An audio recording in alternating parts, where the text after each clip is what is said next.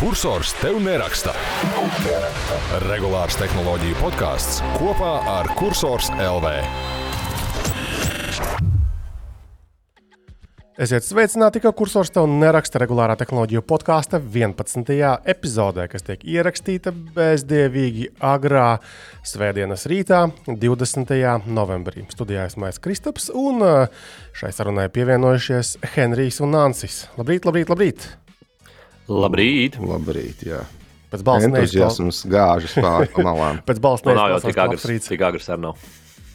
Kam nav, kam ir. Jā, jā e, tad e, pabeigsim ar tām lietām, nu, pareizāk sakot, iesāksim ar tām lietām, ar kurām mēs pabeidzām pagājušajā reizē. Tātad pagājušajā reizē mēs nosvinējām mūsu desmito epizodi. Hū, tas ir daudz. nav nemaz tik vienkārši to regularitāti uzturēt. Um, Tādai cilvēku grupiņai, pietiekami lielai, kuriem daļai vēl ir arī dzīve. Un tad mēs pagājušajā arī aicinājām iesaistīties tādā ziedošanas aktivitātē, kuru varēja tātad iegādāties no mums bijušās testa ierīces, tur Logitech krūtu peli un uh, lādējošo šo te peles palikni. Un, uh, un tad mēs vienkārši to pašu summu, vēl arī, nu, ko mēs saņemam par, par šīm ierīcēm, uh, pieliekam klāt no sevis un uh, varam noziedot uh, uh, veciem cilvēkiem, nu, ko vienā no ziedot LV šīm ziedošanas kampaņām. Nedēļa ir pagājusi, tagad ir laiks arī izziņot, nu, kāds ir status šai visai kampaņai. Nu, godīgi atbilde ir tāda, ka, jā, ka aktivitāte bija no, no jums, darbie klausītāji un lasītāji, ārkārtīgi zema.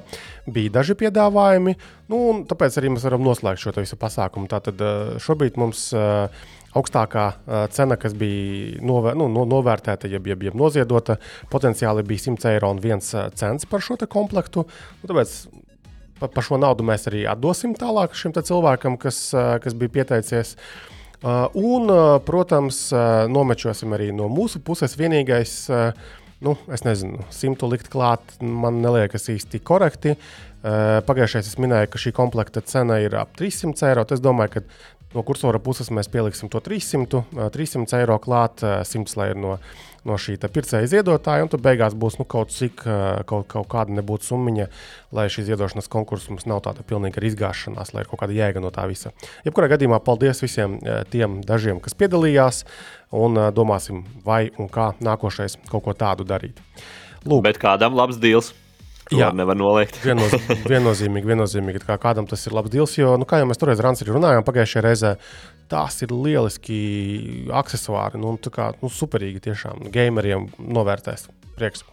Um, labi, tad kas par aktualitātēm? Par aktualitātēm burtiski šajā rītā, nu, jau nezinu, Amerikas uh, naktī, uh, notika tas, uh, nu, par ko jau tā skeptiski mēs jau gaidījām. Tātad Ilons Masks, tas pats zābaks Ilons Masks, ir ielaidis atpakaļ Twitterī Trumpu. Uh, šeit atkal uzreiz ir jāpiezīmē tas, ka zābaks Ilons Masks ir melis. Jo viņš uh, bija pirms nedēļas vai, vai divām kaut kādām, kad viņš pārņēma Twitterī. Viņš tā arī pateica, nu, jā, nu, tur par Trumpu, Trumpu, jā, mēs tā kā izveidosim kaut kādu šo te, nu, kancelu vai, vai kā to sauc cilvēku apvienību, kas izvērtēs vai noņem šos te banus. Nu, protams, ka neko tādu viņš nebija izveidojis. Drīzāk visa, visa veida nu, regulējošie šie cilvēki bija atlaisti, aizmukuši prom no tā Twittera.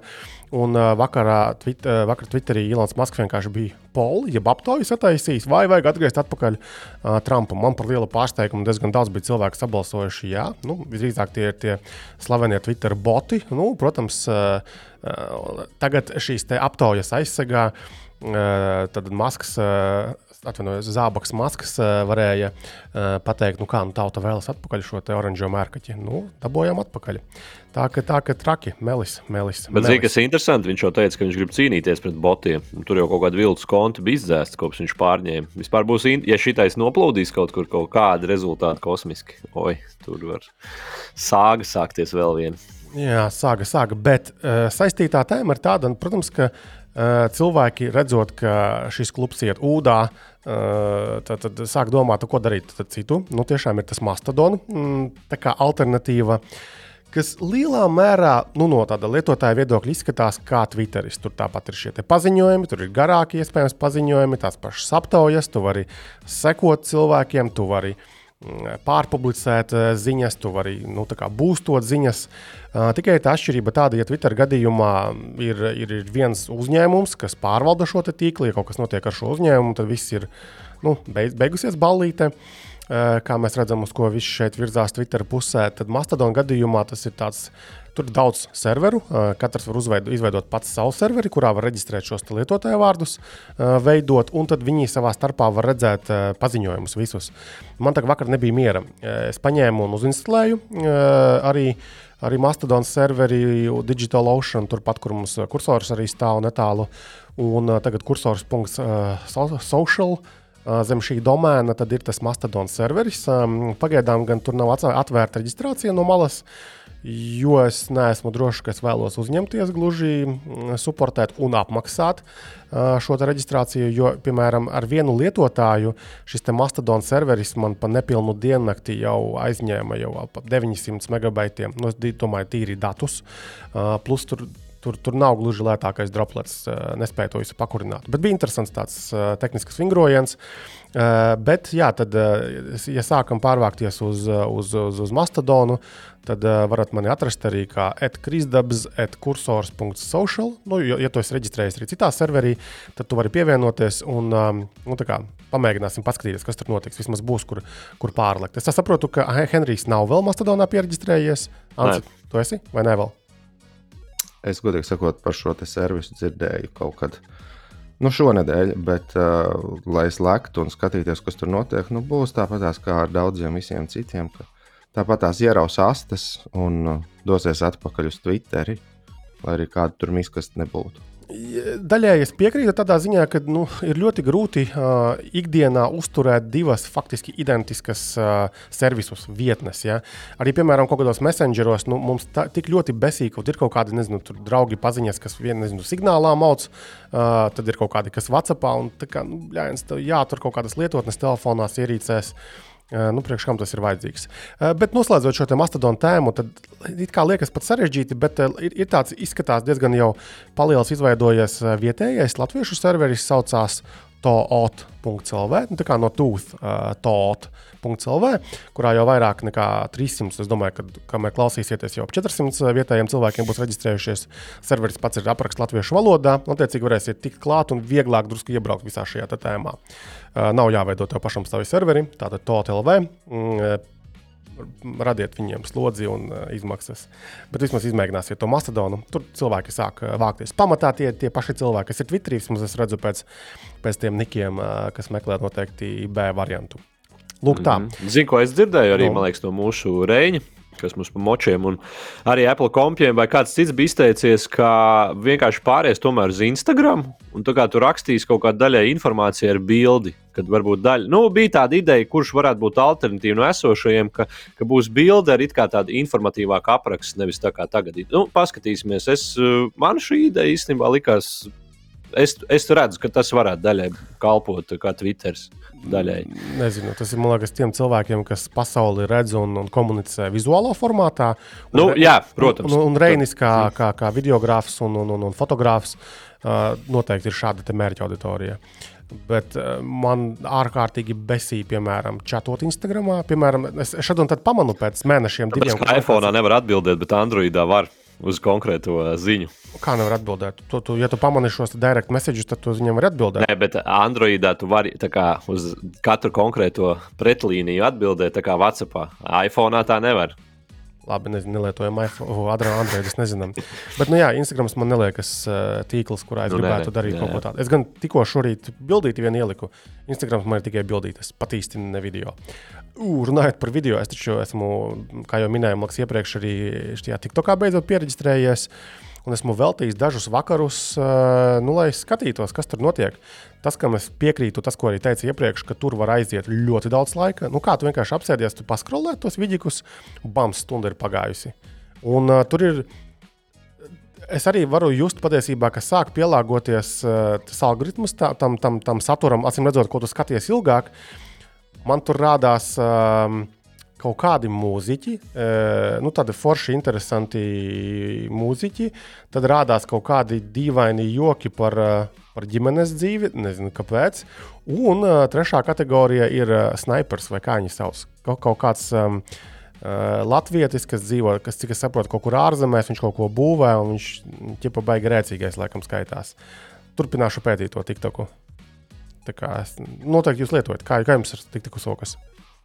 Nav baigā liela aktivitāte. Šādi tad varbūt reizi nedēļā divās iemetāts. Tad nelieniet. Es, es atinstalēju, tas kaut kā baigi paņem laiku. Ideāli, pareizi. Bet nu, man tas upuris jānes, jānes un es centīšos uh, daudz laika pazaudēt vēl šim visam.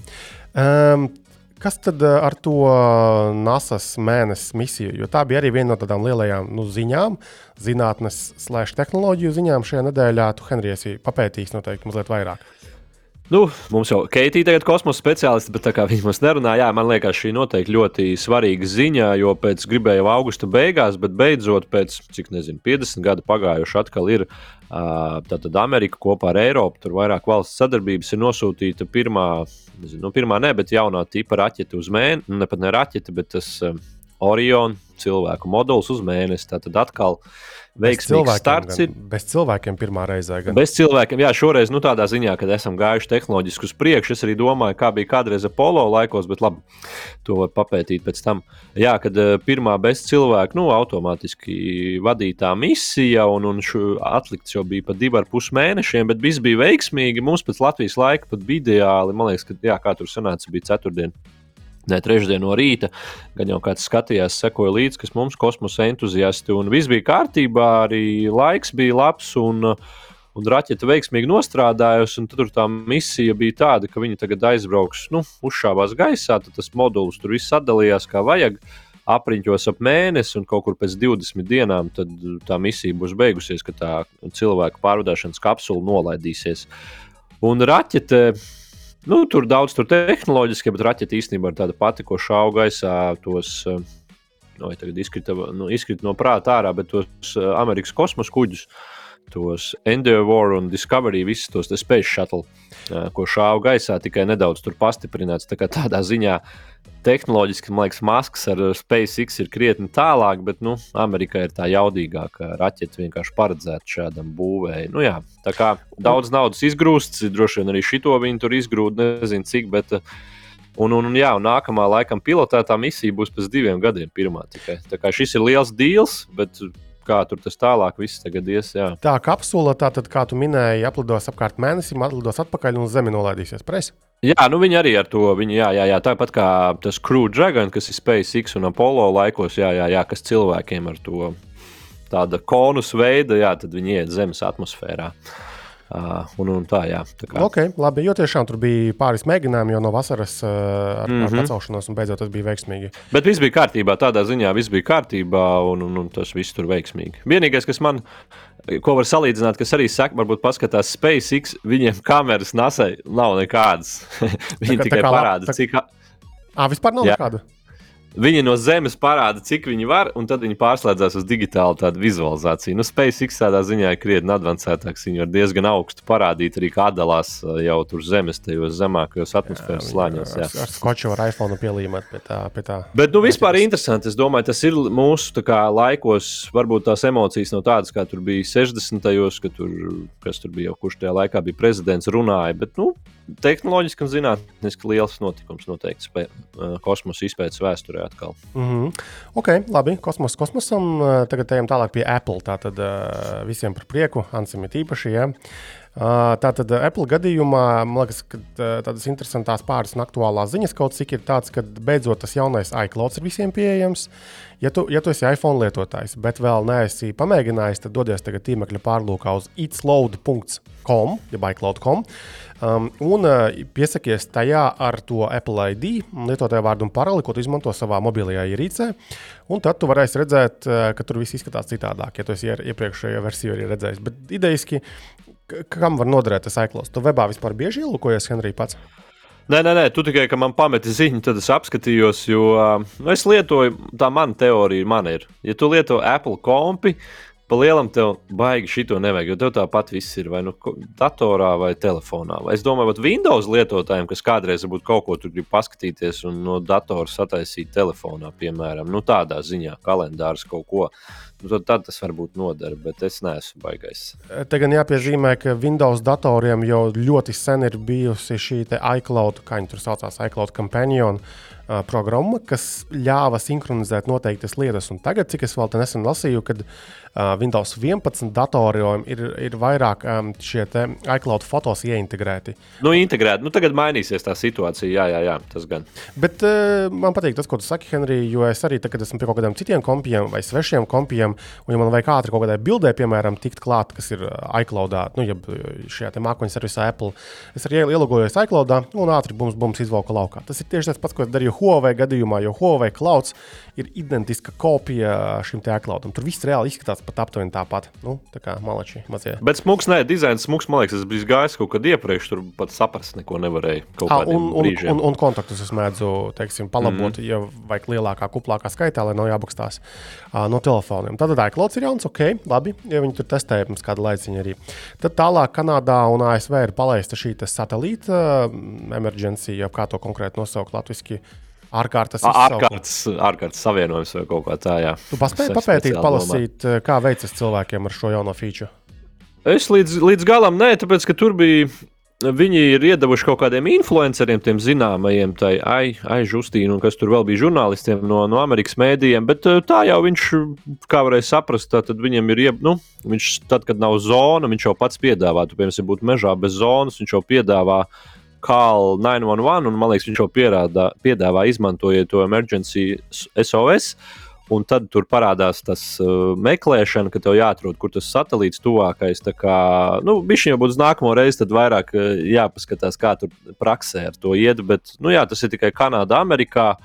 Un, uh, un, un, jā, un, un ka būs jāmaksā pēc diviem gadiem pagaidām bez maksas. Tā kā Jā, tiem, ka... Feature krūta, bet Tad, Praksē es ceru, ka nevienam nevajadzēs. Jā, tiem, tiem, tiem kas varbūt neizsakoja, tad piezīmēsim kontekstam. Tātad, izziņojot šī gada jaunos 14. iPhone, tad viņiem parādījās šī iespēja sazināties ar satelītiem.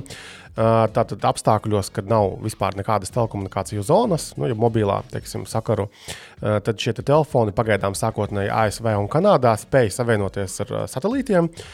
Kaut kādiem tur, un tad var ļoti mazus informācijas apjomus nosūtīt. Tāpēc telefona pusē tā lietotne tā arī ir sakārtota, ka tu palielināt vari norādīt, kāda tev ir problēma. Un kam nosūtīt, nezinu, atrašanās vietas informāciju, vai ka tev ir ūdens vai ēdienas beidzas, un tad tur aizsūtās kaut kādiem kontaktiem. Principā Latvijā es domāju, ka tas vispār nav aktuāls. Mums nav nemaz tik daudz uh, vietu, atskaitot Ugāles mežus, kur nav zonas, bet, uh, bet kaut kādās lielajās Amerikās, Kanādās, kur ir daudz teiksim, šo te. Nu, kaut kādos nacionālajos parkos, es domāju, mm. jā, nu tādās. Nu tādās vietās. Jā. Tā, kā, tā kā laba lieta. Uh, vēl par Apple es tādu interesantu ziņu arī redzēju. Man liekas, ka tur ir rakstīja Henrija par to, ka, ka arī Apple veidojot interneta meklētāju servisu. Ja, kad uh, tur bija kaut kāds kā, baumas vai kāds kaut ko bija runājis. Ka, ka jā, arī Apple strādā šajā virzienā. Vienīgais, vēl kaut kādi četri gadi ir jāuzgaida. Ja? Nu, kaut kāds 26. runā, jā, bet uh, nu, redzēs, nu, tur jau pa lielam. Viņiem laikam ir tā, ka viņi arī sadarbojas paralēli ar Google. Un, un, un viņiem tur ir tā viņa sadarbība, tā kā pa liela viņš jau būtu vienkārši kā Apple, Google versija, un tad jau, nezinu, tā kā Edgeam Binks ir Microsoftam. Un, un kurš viņu baigi izmantoja, bet tur arī konkrēti pārāk daudz informācijas nebija. Viņi strādā, un, un man atkal radās pašam jautājums, ja Apple, piemēram, liek, lietotnēs ļauj izvēlēties, ka tev tā ko informāciju netrako, tad jautājums viņiem jau arī būs kaut kāds algoritms, lai piedāvātu tev it kā atbilstošāko meklēt. Nu, tavam vaicājumam to atbildi rezultātus. Nu, redzēs, tur jālīdz 26. gadam. Domāju, Man jau liekas, ka tur jābūt baigai integrācijai ar visu šo Siriju, jeb, jeb, jeb vispār tām balss komandām un, un, un šito visu virzienu. Kur tur ir Google, to es īsti nesaprotu. Ja saki, tur Google... Nē, viņiem tur pamatā kaut kas tur citādāks. Viņiem tur ir uh, vienkārši pie kaut kādām researchiem, mākslīgu intelektu kaut kur tur viņiem kaut kas tāds. Jā, nu, bet redzi, Google ir savs meklētāju biznesa, Microsoftam ir savs meklētāju biznesa un Apple arī acīm redzot, tāpēc vajag uh. Nē, nu tādā ziņā jau jā. Un tad noteikti pirmie desmit gadi, ne, bet pieci gadi būs briesmīgi, tā kā Apple Maps. Un, uh, un tad, tad, tad beidzot būs normāli. Jo tagad jau var, var, var lietot to Apple Maps arī kaut kādā mērā. Kāds Uh, vispār, kāds nu. vispār izmanto kaut ko citu, kā nevis Google meklētāju? Jo man liekas, ka, uh, lai arī nu, vismaz Microsoft mēģina ar savu edge pārlūku šķūrēt šajā binga virzienā, kā tu nu, kaut kāda at update atnāk, vai tu paņem citu datoru. Un tad tu ieraugi to uh, binga rezultātu meklēšanas, kas nebija īsti pārskatāms. Nu, tu, tu iesiti to jautājumu edžā, un viņš izmet caur bingu ārā, un tu redzi, nu, nu, nav tas, ko tu sagaidīji. Man liekas, ka Apple gadījumā arī būs tas, ka Apple vairāk kā domā nevis kā par meklētāju servisu, bet kā par platformu, kurā piedāvāt kaut kādas reklāmas, savus produktus, kaut ko tamlīdzīgu. Ka tur tas, tas ir vairāk reklāma, pārdošana, mārketings, nezinu, sauc kā gribi, mazāk kā meklētāju servis. Bet kurš kuram maksā šobrīd Apple un Google gadījumā? Manuprāt, Google, Google laikam- maksā Apple. Jā, Google maksāja kaut kādus miljardus. vājprāta naudas, maksāja gadā par šo iespēju, ka iPhone kā, kā tas šis te noklusē. Noklusētais. Jā. Bet tas ir, tas vienmēr ir bijis uh, liels bizness. Tas tāpat kā arī Google ir maksājis šiem visiem interneta pārlūkiem, tur mazilām un, un kam tik vēl ne, lai būtu šajā te, nu kā jā, tiešām noklusētais, tas meklētājs servis. Un man liekas, ka kaut kādā momentā Google pārstāja vai samazināja maksāt te Firefoxam vai kaut kuram no pārlūkiem, un tad viņiem reāli iesākās kā finansiāls problēmas. Tik būtisks bija šis maksājums um, no Google. Bet nu, tiešām laiks um, nāks, un, uh, un tad mēs uh, redzēsim, kas tur, kas tur tālāk arī. arī Bet es notiks. piekrītu Ansim, man arī bija Bings edžā. Darbā es vispār neārprāts. Man, nu, es noraustos, ka es kaut ko ierakstu un ieraugu tur. Briesmīgs viņš ir. Vēl, ja par meklētājiem runājot, tad noteikti ir, ir cilvēku kategorija, kas izmanto kaut kādus ezotēriskos DuckDuckGo.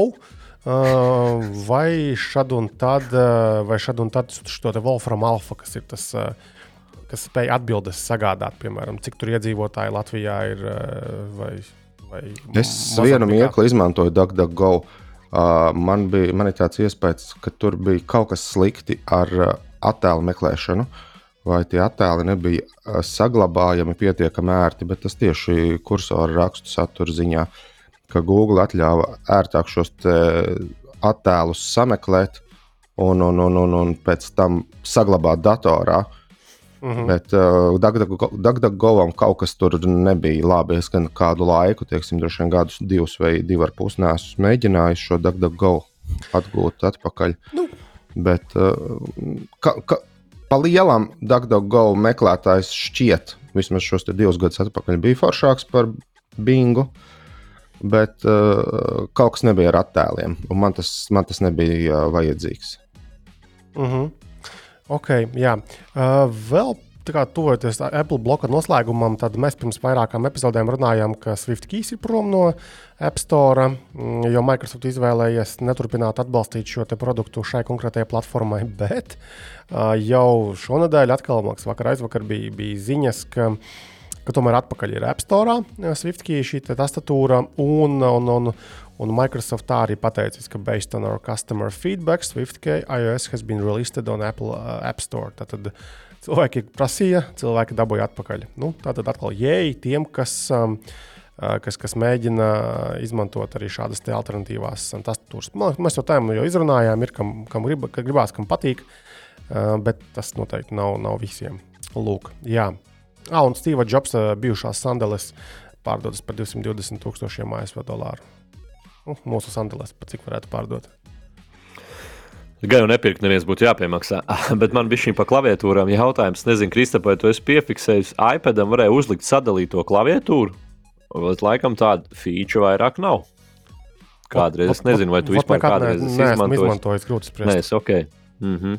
Nu, labi, tam man jāpaskatās. Varbūt kāds, eh, kāds kurš klausās, varbūt var uzrakstīt Kristapam, vai ir sadalītā klaviatūra. Vai Henrijs? Nu, viņi bija abās pusēs. Ko tad? Vai man, nu, bet tev jau viss tev tāpat raksta. Vienkārši bija, es gribēju tieši, nu, tā kā mums tagad būs arī apskats, var jau iemest. Es tā vienkārši intereses pēc pie sevis iedomājos, ka bija tāda feature, gribēju patestēt, kā ir, jo es arī biju izbraucis un es rakstīju, sāku rakstīt rakstu iPadā, vienkārši bez klaviatūras. Jāatzīst, ka nav nemaz tik slikti. Ja nav gari jārakstā, un, un, un tad, um, tad viss ir kārtībā. Nu, Jā, bet man viss mainījās manā dzīvē, kad es iegādājos iPadam šo tastatūru. Jā, bezdīvīgi dārga. Bet, bet nu, to, to var rakstīt par lielam kā uz laptopa, maz, maziņa laptopiņa. Jā, jo nu, beidzot tā rakstīšana ir, ir, ir normāla. Pašā iPadā bakstīties, rakstīt ir ļoti, ļoti grūti. Lūk, ok, labi. Runājot vēl par rakstīšanu, par piezīmēm. Tātad Evernote kādreiz ļoti, ļoti populārā, slavenā piezīmju lietotne ir nopirkta. Tātad kaut kāda Itālijas programmatūras, mobilo lietotņu izstrādes kompānija Bending Spoons ir iegādājusies Evernote eh, atliekas, eh, un tas darījums nākošais gads noslēgsies. Bet idejas, ka jā, tad Evernote. It kā, it kā viņi runā, ka viņi paturēs viņu, jo viņi piedāvā arī citas uh, kaut cik populāras šīs mobilās lietotnes, uh, bet, nu, jā, tā tad uh, nespēja Evernote izdzīvot šajā pasaulē. Un te man jautājums ir uzreiz ar abiem diviem jums. Kādas no piezīmju lietotnes jūs izmantojat un kāpēc tieši šīs? Ansija aiziet. Es gribēju no sākuma par, par Evernote. Man ir tāds, tādas saldsērīgas atmiņas no Evernote, kas droši vien sniedzas atpakaļ. Grūti pateikt, kāds 2014. gads tas varētu būt vai kaut kas tāds, kad, manuprāt, Evernote bija ārprātīgi populārs kopā ar Facebook lietotni, Android, vismaz Android pasaulē. Uh, Un, un, un, un ap šo laiku arī šīs divas pie, pieminētās lietotnes, gan Evernote, gan Facebook, bija vājprātīgi prasīgas pret, nu, pret visu, kas tev notika telefonā. Un no vienas puses tas Evernote šķita šausmīgi vilinošs, bet no otras puses ēda akumulātoru, ēda procesoru resursus. Nu, nebija tās labākās atmiņas, un līdz ar to ap šo laiku uh, es teiktu, ka es pārmetos uz Google Keep jo tas bija vienkārši. Tas bija vienkārši. Tu maza, maza lietotnīte, kur neko nedara īsti. Pēc tam gan viņi tika aplīmēti ar visādām papildus iespējām. Bet šis Google Keep, manuprāt, bija tāds. Un vēl ar vienu ir tāds foršs veids, kā, vei, kā taisīt kaut kādus elementārus pierakstus.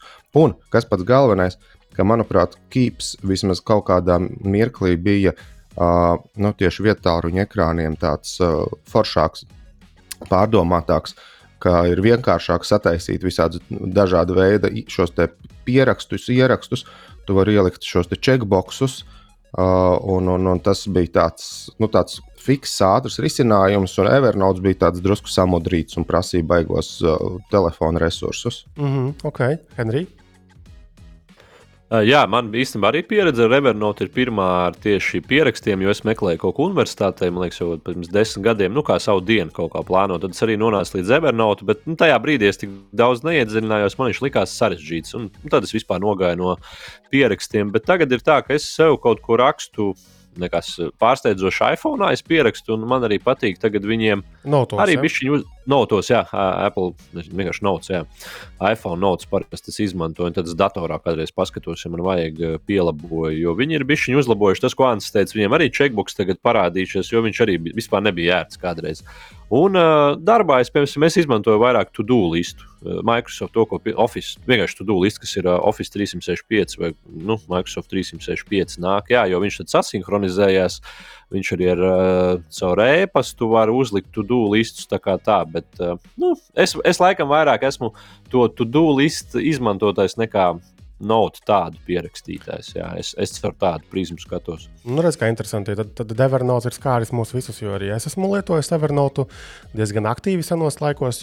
Man jau liekas, ka jā, viņa bija smagnēja, piekrītu Ansim uh, savu laiku, bet, uh, bet Evernote bija nu, ļoti avansēta saviem laikiem. It īpaši, uh, kad kaut kādā momentā viņi ieviesa šo te tekstu atpazīšanu no bildēm, un tad mēs visi tur, nezinu, tur vizītkarti kaut kādu sabildēju, viņš atpazina tekstu.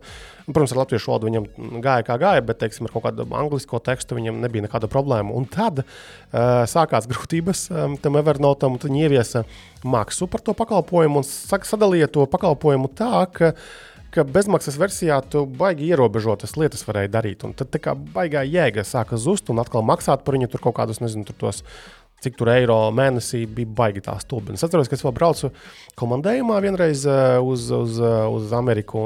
Tur, man liekas, ka viņu birojas tieši tur bija kaut kur pie ielā iebraucot, un es vēl garām braucot, skatos uz mājas jumta Evernote lielais logo. Tas bija tā interesanti. Tad es nometu no to Evernote un domāju, okay, kur man tagad tālāk doties. Un tad es tālāk devos uz uh, Microsoft OneNote. Nu, tāpēc, ka tas piedāvāja arī tos notebookus taisīt, un tur apakšā tās ziņas, un kā gan bildes likt, gan visādas formatējuma iespējas. Bet es īsti baigi ilgi nepielietoju, jo tas ir nenormāli smagnēja programma. Nu, tā kā briesmīgi. Un tad es gāju soli atpakaļ, un tā kā Henrijs pie notiem atpakaļ. Jā, prasti, jā, tur maz ko var izdarīt. Uh, Uh, nu, tā salīdzinoši ar šiem lielajiem Evernotiem, OneNotiem, bet vismaz tas, ka tev sinhronizēs starp visām ierīcēm, ja tev ir nezinu, Apple ierīču kaudze, plus arī no iCloudam arī tik klāt uh, notiem, var, var, var, var tikt. Jā. Lūk, un tad kā, tieši šīs sinhronizācijas vārdā, uh, tāpat Kancis noteikti izmanto kīpu, tāpēc, ka tur tā sinhronizācija ir fantastiska starp dažādām ierīcēm, to tās piezīmes visu laiku ceļo. Tā kā, jā, bet vēl jau tagad mūsdienās man liekas ļoti populārs ir tāds Notion, Notion, uh, ko daudz izmanto. Uh, tas nav tikai par piezīmēm, tas ir mākslinieks projektu pilnīgi var uh, veidot un, un, un vadīt. Un tā. tā tas tāds interesants projekts. Bet, nu, jā, skatīsimies, kas tur tev var no tālāk notikt. Diez vai viņi atgriezīsies mūsu ikdienā. Um, tālāk, no tādām interesantām vēl ziņām, ir tas, ka uh, slavenais uh, Vorens Buffets ar saviem čomiem, vai mākslinieks viens čomu, to Mangero, jeb, jeb Berkshire Hathaway. Uh, nopirkuši ir um, veselu kaudzi akciju slavenajā TSMC. Un TSMC ir Taivānas semikonduktors kompānija. Tātad tas ir pasaulē lielākais vai viens no pasaulē lielākajiem šo mikroshēmu ražotājiem. Tieši tieši nopietno mikroshēmu procesoru ražotājiem, un uh, tie ir tie, kas nodrošina to starp arī Apple uh, ierīcēm šos procesorus. Un darījums ir interesants ar, ar vairākām lietām. Pirmkārt, diezgan lielu gabalu nopircis. Uh, Buffets ir uz 4,1 miljardu ASV dolāru. Uh, tā nav gan viņam lielākā pozīcija visā tajā stāstā. Viņiem Apple ir no tādām tehnoloģiju kompānijām. Un otrā tieši tā interesantā lieta ir, ka Buffets vispār neskaitās kā tehnoloģiju investors. Jā, viņam ir Apple eh, investīcijas lielākais un, man liekas, arī šobrīd veiksmīgākais teiksim, šī te portfeļa pozīcija. Bet, bet uh, bija viņš vienreiz nopircis IBM uh, eh, un lielus zaudējumus cieta no tā visam pārdeva mīnusos.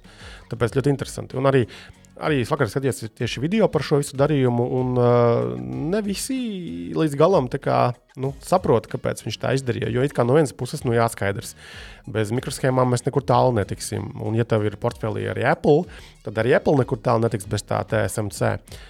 Bet no otras puses, tev ir atkal riski, jo, teiksim, nu, TSMC nāk no Taivānas, un kas mums šobrīd ar Taivānu notiek? Taivānai mēģina nu, tiešāk vai netiešāk. Uh, Ķīna aiztikt vietās. Ja? Un tāpēc, um, bet arī kā man Twitterī vakar atbildēja dažs labs cilvēks, tad nu, tas ir risks. Tas ir risks vienkārši. Šobrīd tiešām šie te, um, akciju vērtība ir labā cenā, teiksim tā. Un, uh, varbūt Buffets ir izdomājis, izrēķinājis, ka, jā, ka tagad ir laba kompānija, ko var pirkt par labu cenu. Nu, ar potenciālu, ka nākotnē viss ies uz augšu un nekur mēs netiksim šajā visā stāstā. Pats gan es vēl neesmu saņēmies. Man vienu brīdi bija uh, pozīcijas TSMC, bet, bet tagad īsti kaut kā nē. Baigi trikīgi biznesi šie visi ir uh, mikroshēmu ražošanā. Nu, nevajag tikai nu, visu nošķūrēt uz Apple. Tas TSMC jau ražo, manuprāt, arī AMD video jā, kartēm. Jā, jā, jā. Nvidijai, manuprāt, arī ir TSMC apakšā. Runājot par video kartēm, nē, bet procesoriem, tātad tas, ko es gribēju teikt, ka parādījās kaut kāda ziņa, ko es vakar naktī pamanīju, ka Eiropā AMD ir būtiski samazinājuši jauno 7000 sērijas raizenu cenas. Uh, tur tā ziņa bija tāda, ka, tātad, ka, ka tagad 7950X, uh, tas ir tas, tas jaudīgākais laikam, no jaunajiem presanci. Jā, tas izskatās pēc jaudīgākā. Jā. Kurš tātad startā maksāja kaut kādi 850, 849 eiro, un ka tagad pie kaut kādiem pārdevējiem Eiropā it kā varot nopirkt par 669, respektīvi, tev tur dažu simtu eiro Uh, nu, zemāka cena. Es gan paskatījos arī vakar naktī uh, mūsu mīļā, mīļajā, iecienītajā Dateksā, un tur vēl, tur gluži nav varbūt 800 eiro tā cena, bet uh, vēl padārgi bija. Varbūt vēl nav uh, šīs jaunās cenas atnākušas, bet nu, interesanti. Acīm redzot, tas nozīmē, ka nepērk šos jaunos raizenus uh, nemaz tik ļoti. Te gan jāpiezīmē, ka mums vēl ir pārdošanā, kurais Intelis. Uh, mums ir pārdošana 12. paudzes i7, kas viņš tur bija. 12. 700K processors vai kaut kas uz to pusi.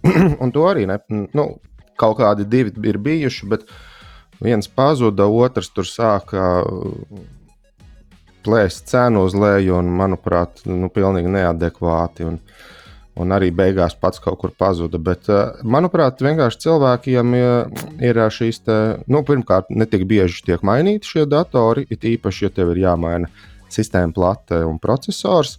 Jo, jo processors jau nu, kaut kādas 6, 7, 8 paudzes Intel šie procesori spēļu, tīpaši, ja, te, ja mēs runājam par spēlēm, tad tā vēl jau spēles tīri neko. Ka galvenokārt, ja tu gribi kaut ko jēdzīgāku redzēt, vai lielāks izšķirtspējas, tad tev ir jāgriežas pie ja, jaunas video kartes, nevis pie jauna procesora. Nu, tā, tas tāds droši vien varētu būt viens no iemesliem, kāpēc tā nepērk. Un otrs ir, protams, ka ir uh, šiem jaunajiem, vidi, es atvainojos, jaunajiem Intel procesoriem, tev vajag uzreiz citu dzēsēšanas sistēmu vai adapteru esošai. Un arī nu, tas viss savāc kopā.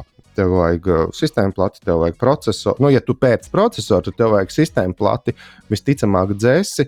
Un nu, jādomā par vietu korpusā, ir jādomā varbūt par DDR5. Nu, tur ir baigi komplicēti. Viss tas tev nav nopirkt par, par 150 eiro sistēmu plati un tur piepirkt klāt par 300 eiro procesoru un būs zirgā. Nē, tā tas nestrādā. Līdz ar to tur tā nu, sarežģīti ir. Bet, jā, ja tu gribi jaunu procesoru, tad tā ir viena lieta. ja tu gribi lielāku jaudu spēlēs, tad tu dodies pie, pēc video kartes, nevis pēc svaiga procesora. Jā, un šajā gadījumā šis 12. paudzes Intellis vienkārši tādā stulbā kategorijā iekrīt, jo nu, tiešām, kā tu minēji, ir jā, jāsalasa viss pārējais. Viss pārējais vēl ir dārgs. Un, un kāpēc man pirkt 12. ja es pērku visu dārgo, jau kur jau ir 13. paudzes ar inteļu klāt? Nu, kā, jā. Nu, tā 12. un 13. paudzes tur tāda ir īpaši, ja mēs skatāmies ne, ne uz pašu, pašu, pašu i9 kā procesoru, tad tur tās atšķirības droši vien ir, bet tās nav tik gigantiskas, lai skrietu uz to 13. paudzi. Un, ka, ka, es nezinu, ir, protams, ir miljons mainīgie, un mēs pagaidām esam iekrituši tajā sliktajā lozē. Uh -huh, uh -huh.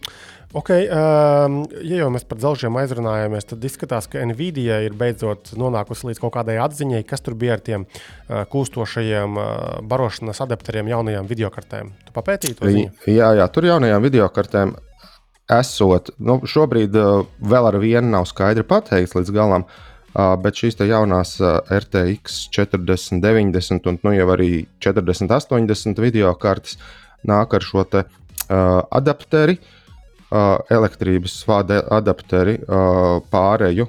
Un, un, un šī pārēja ir drusku tā kā stīva.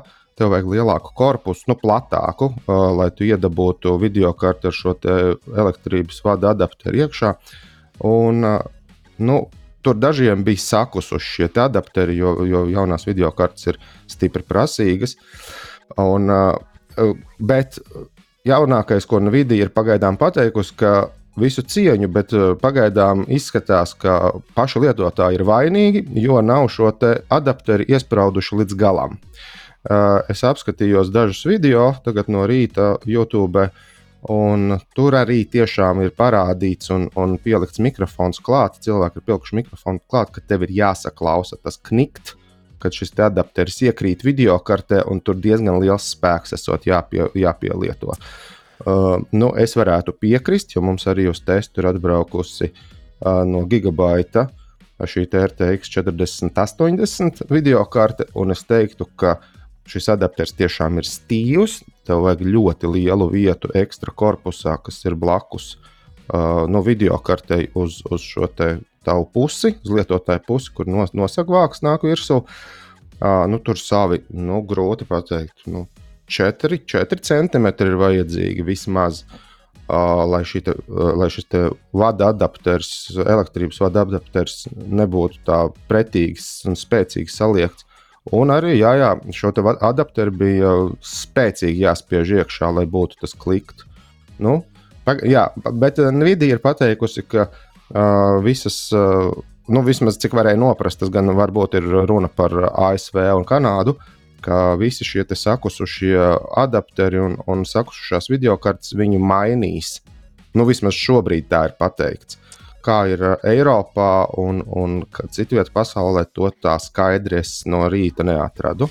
Bet nu, pagaid, pagaidām izskatās, ka vienkārši cilvēkiem ir bail savā dārgajā, ultradārgajā video kartē šo adapteru ar spēku bāzt iekšā, un arī tur arī sākas visas problēmas. Nu, uzreiz jāpiemina, ka, cik es paskatījos apskatu tapšanai, tad uh, šīs RTX 4080 video kartes maksā uh, mūs, pie mūsu draugiem Dateks, sakot no 1850 eiro, kas ir ārprātīga cena. Un 40, 90 ir nu, tuvu pie 2,5 tūkstošiem. Divi normāli tas... iPhone sanāk. Norm, normāli iPhone. Nu, tas, nā, es nelietotu šīs divas vārdas vienā teikumā, bet nu, labi. Bet nu, cenas ir uh, vaiprātīgas. Nu, protams, jāņem vērā, ka Nvidia ir darījusi visu, lai, lai šīs cenas turētu augšā, jo video kartes vecās netiek aizvietotas ar jaunām, bet jaunās nāk kā papildus klāt, kā nākamais līmenis. Kaut kādas dažas vecās tiek pārtrauktas, bet nu, vēl ar vienu to arī 30, 70, 30, 80, 30, 90 nopirkt. Un tad nākamais solis ir šis 40, 80, 40, 90, kas arī ir iepriekš tā viņi paši nav pilnībā darījuši. Protams, ir kaut kādas vecās video kartes kādu laiku bijušas, aktuālas, vēl kamēr tiek izpārdotas. Un, un parādās jaunās video kartes veikalos, bet nu, šobrīd ir uzkrītoši, uzkrītoši redzams, ka Nvidia spiež uh, dārgā gala video karšu cenas stipri augšā. Bet, uh, ja vēl par tiem konektoriem pabeidzam, tad, uh, ja ir 50 cilvēkiem vai cik tur cilvēkiem problēmas bijušas ar to iesprāšanu šeit adapterā, tad nu, būsim reāli. Nu, kaut kas ar to dizainu nav līdz galam pareizi. Nu, šī, jā, tur arī bija pateikts. Tur arī, jā, nu. Pff nu, tad, kad tu lietas to datoru kopā, tur viss ir tāds drusku puņķains. Uh, nu, sākot ar to, ka tev, ja tu neesi saskrūvējis uh, visas skrūves iekšā uh, mātes platei, kuras pie korpusa turās klāt tās skrūves, tad viss tas nu, liecās un ieliecās, tad, kad tu spraudi visus rāmus iekšā. Nu, tas nav tāds baigts. Nu, ja tu esi par to samaksājis tūkstoši, tā nav forša patīkama sajūta, ka tu spied kaut ko lauzt. Uh, es domāju, ka šis varētu būt tas gadījums, uh, ka, nu, ka ir vienkārši bail nolauzt kaut ko vai bail kaut ko saliekt iekšā. Jo cik, cik nav bijuši gadījumi, kad kaut ko spraužot, uh, visādi pīni uz mātes plates, ne, ne, ne pat procesora, bet tur kaut kādi USB konektori un visādi tādi tiek saliekti. Es domāju, no šis ir tas cilvēks, kas no tā baidās. Bet, manuprāt, Nvidia pateica, ka ir 0,5 0,04% vai kaut kas tāds. Šie te, uh, nu, sabojātajā sakusušie adapteri maz, bijuši. Maz. Nu, ļoti maz, ļoti maz. Bet tāpēc, ka maz vēl šo video karšu ir arī cilvēku mājās. Arī. Bet, uh, Ansī, tagad, jā, tu minēji, ka mēs testējam to gigabaitu 40, 80. Apskats būs noteikti gaisā jau, jau tuvāko dažu dienu laikā. Uh, varbūt arī klausītājiem ietīzot, nu, kāds kā, nu, ir tur jauda ārprātīga tajā video kartē. Jauda, protams, ir ārprātīga. Ir īpaši sintētiskajos testos tur parādās. Nu, nu, nevis, nevis 20% klāt, bet tur kaut kā 50% klāt. Salīdzinot? Salīdzinot ar nu, to pašu 30, 90, 30, 80, 30, 90 kaut ko nu, pārliecinošu, bet, bet, protams, vienmēr ir bet, kā agrīnajiem lietotājiem ir driveru visādi niķi un stiķi, un, piemēram, uh, ja nemaldos, Tom Clancy's spēlē, ko mēs izmantojam arī kā benchmark, tur ir iebūvēts benchmarks. Tur vienkārši šī spēle neļauj ar esošo driveri uzlikt vairāk. Nu, tiek ierobežots pie man ir 60 Hz monitors šobrīd, un šī spēle vienkārši neļauj uzlikt neko vairāk. Nu, neļauj brīvi šim kadru skaitam peldēt ar virs 60 kadriem sekundē. Manuprāt, vēl bija kaut kāda dīvainība vienā no 3D marka uh, benčiem un kaut kas šķita divi. Es tagad no galvas negribu pateikt, jo mums diezgan daudz šie te, te benchmarki ir. Es negribu sajaukties. Apskatā bet bija dīvainības, bija, bet jebkurā gadījumā video karte ir nenormāli ātra. Ne, vienkārši nenormāli ātri. Ir... Kas ar karstumu? Kas, Kas ar karstumu? Uh, lielākais karstums, ko es redzēju, bet mums ir liels korpus, smuks ar, ar daudziem ventilatoriem. Uh, manuprāt, bija 70 grādi, 70 komats. Daži grādi. Tā jau ļoti bija. vēsa karte. Ļoti vēsa, jā, jā. vēsa, klusa. Šajā, šajā ziņā viss ir ļoti krūti. Tāpēc tā, arī klusa video... vēsa. Piedodas, nedzirdēju. Tāpēc arī klusa, ka, ka vēsa, jo nav jau jāgriež tie vēja. Jā, jā, jā, jā, jā, jā, protams. Bet nu, ir jāņem vērā, ka arī šī video karte, manuprāt, svēr 2,5 kg. Un... Tur metālu radiatoros sakrāmēt daudz. Jā, jā, jā un šī video karte ir milzīga izmēra. Nu, tu para savā ierastajā mazajā korpusiņā, ko tu tur vari nosviest zem galda vai uzlicis blakus uz galda. Nu, mm, manuprāt, ir jāiet uz šiem extended ATX korpusiem, EATX korpusiem. Un, uh, tad tu vari. Tad tu vari ērti ielikt un ērti nodzesēt un noslaucīt putekļus. Mm, parasti ATX korpusi jau sāk kļūt pa šauru. Nu. Ielikt var, bet izskatās, nu, ka var būt problēmas ar dzēsēšanu. Un, un vēl viena pozīcija, no, no, jums, no jums lūdzu 200 eiro. Ja? Un uh, enerģijas patēriņš pīķī. Enerģijas patēriņš bija tik, cik viņi bija tur uzrakstījuši. Manuprāt, tur bija pāri pat 320 vatiem. À, nav, bet tā, tas, ko, tas ir tas, ko softiski rāda. Jā. Bet uh, GPU Z šis te, uh, softiņš arī vēl nav, vai vismaz pirms pāris dienām, kad es veicu šos benchmarkus, arī nebija vēl pavilcies pietiekami tālu un nebija ar, arī pats svaigākā versija neatpazina pilnībā šo video karti. Tā kā iespējams ir kaut kādas nianses, bet uh, nu, šajos datos, uh, ko, ko no visādiem sensoriem izgūst ārā GPU Z uh, softiņš, bet nu, izskat, izskatījās labi. Mhm. Cena ir ārprātīga, izmērs ir ārprātīgs, bet ieguvumi arī noteikti ir. Ok, labi. Un noslēdzot šo video karšu adapteru, štekeru tēmu, Es vēl gribu piezīmēt vēl vienu līdzīgu lietu, kas notika ar mani. Tad es testēju nesen šo te Spotify CarThing uh, ierīci. Tas, tas ir tā tāds. Uh, pults un displejiņš, kas rāda Spotify mašīnā. Apskats bija kursorā publicēts tieši pirms nedēļas. Un, uh, es tieši ar to pašu saskāros. Jā, es viņu izpakoju, visu tur pieliku pie paneļa, uh, ieslēdzu iekšā šo USB kabeli. Uh, displejs iesdegās. Nu, man liekas, ka elektrība ir viss kārtībā, un viņš rādīja, lūdzu, izmantojiet oriģinālo to lādētāju.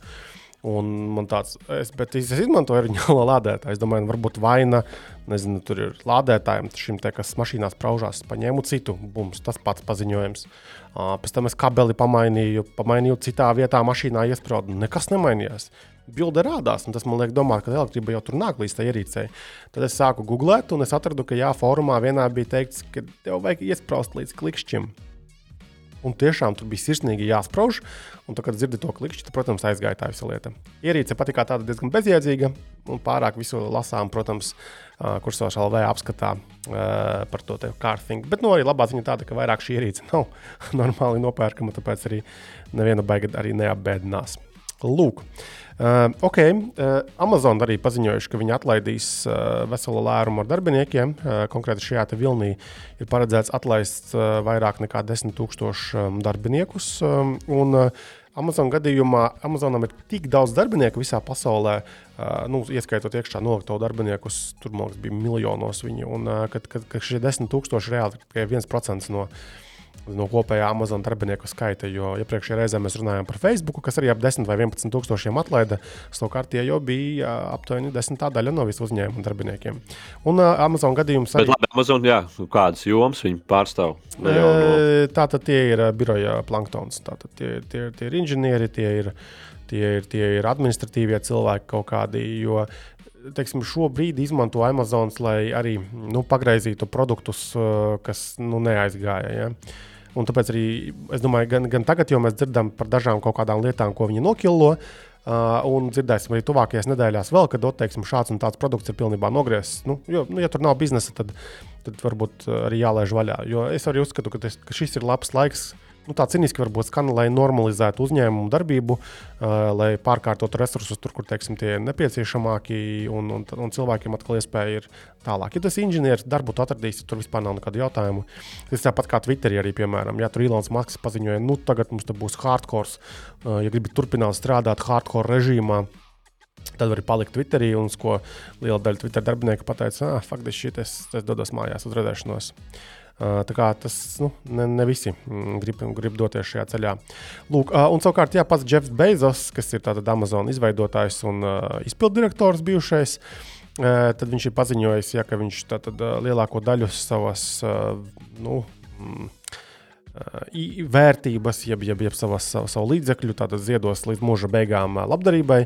Nu, šobrīd viņam ir 124 miljardi ASV dolāru, nu, kas gan, kā mēs zinām, ir tāds baigs stiepjams jēdziens. Tev vienā dienā tu esi vērts 124 miljardus, nākamajā dienā varbūt esi 50 miljardus vai vispār mazāk. Tā kā, piemēram, šis FTX, tās biržas bankrotējušās uh, vadītājs, ja vienā dienā viņš bija 94 miljardus, ja nemaldos, vērts, un nākamajā dienā viņš bija 0 vai 1 miljardu vērts.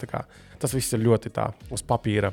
Uh, teiksim, šie, šie te cipariņi un skaitlīši. Uh, nu jā, tad viņš atklājas, ka lielākā daļa savas bagātības plāno novirzīt cīņai ar klimata krīzi un uh, atbalstam projektiem, kas vienotu cilvēku. Pagaidām gan nav norādīts konkrēti, kas tur, ko tur, uh, kurā projektā ziedos, bet nu, vismaz tādu viņš viedokli ir paudis. Un, kas ir vēl interesanti, arī viņa bijusī sieva, mm, Makenzija Skota, arī aktīvi iesaistās dažādos uh, labdarības projektos, un jau iet, kur ietvaros jau viņa ir ziedojusi vairāk nekā 14 miljardus ASV dolāru. Vispār būtu interesanti papētīt, kāpēc šie te īpaši turīgie un bagātie cilvēki uh, uh, tik daudz uh, naudas uh, ziedo dažādām aktivitātēm. Protams, ka varbūt būs cilvēki, kas, kas uzskatīs, ka nu, kā, nu, viņi nākuši pie prāta, viņi grib darīt nē, labu. Nē, tur ir nod nodokļu. Man liekas, jā, ka, ka Amerikas burvība ir tāda, ka tur ir uh, šis te, nu, nodokļu plānošanas jautājums ir uh, industriālos teiksim, mērogos pagriezts. Un, acīm redzot, tev izdevīgāk noziedot kaut kādus miljardus, un pēc tam tur ietaupīt uz kaut kādām citām varbūt, lietām, un beigās nu, īpaši nabagāks tur arī nepaliec. Nu, ja tā cīniski tajā lietā pieejama. Lūk, um, tālāk, man liekas, tāda interesanta ziņa bija šajā nedēļā. Hmm, arī tāda cīniski, ja mēs varam skatīties uz to, ka no nolietotiem boltskrējējiņiem tiek izgatavotas rotas lietas. Uh, Tātad uh, Bolt, tātad šis, šis ir tā platforma, kas to skrējējiņus, tur tās mašīnas un arī maksājumus uh, nodrošina atsevišķos tirgos. Uh, tad viņi uh, sazāģē tos Bolt skrējējiņus um, un sadarbībā ar Igaunu dizaineri Taneli Vēnri. Tanels, tas ir laikam džeks. Pārstrādātos šos tos, tos kredītiņus sadaisa auskaros, rokas sprādzēs un kulonos, radot kolekciju hardware.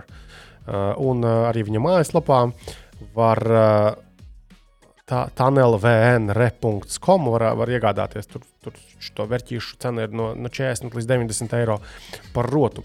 Nu, man liekas, ka tā ideja ir fifīga. Nu, tādā ziņā, ka uh, relīzi preses par to var sarakstīt.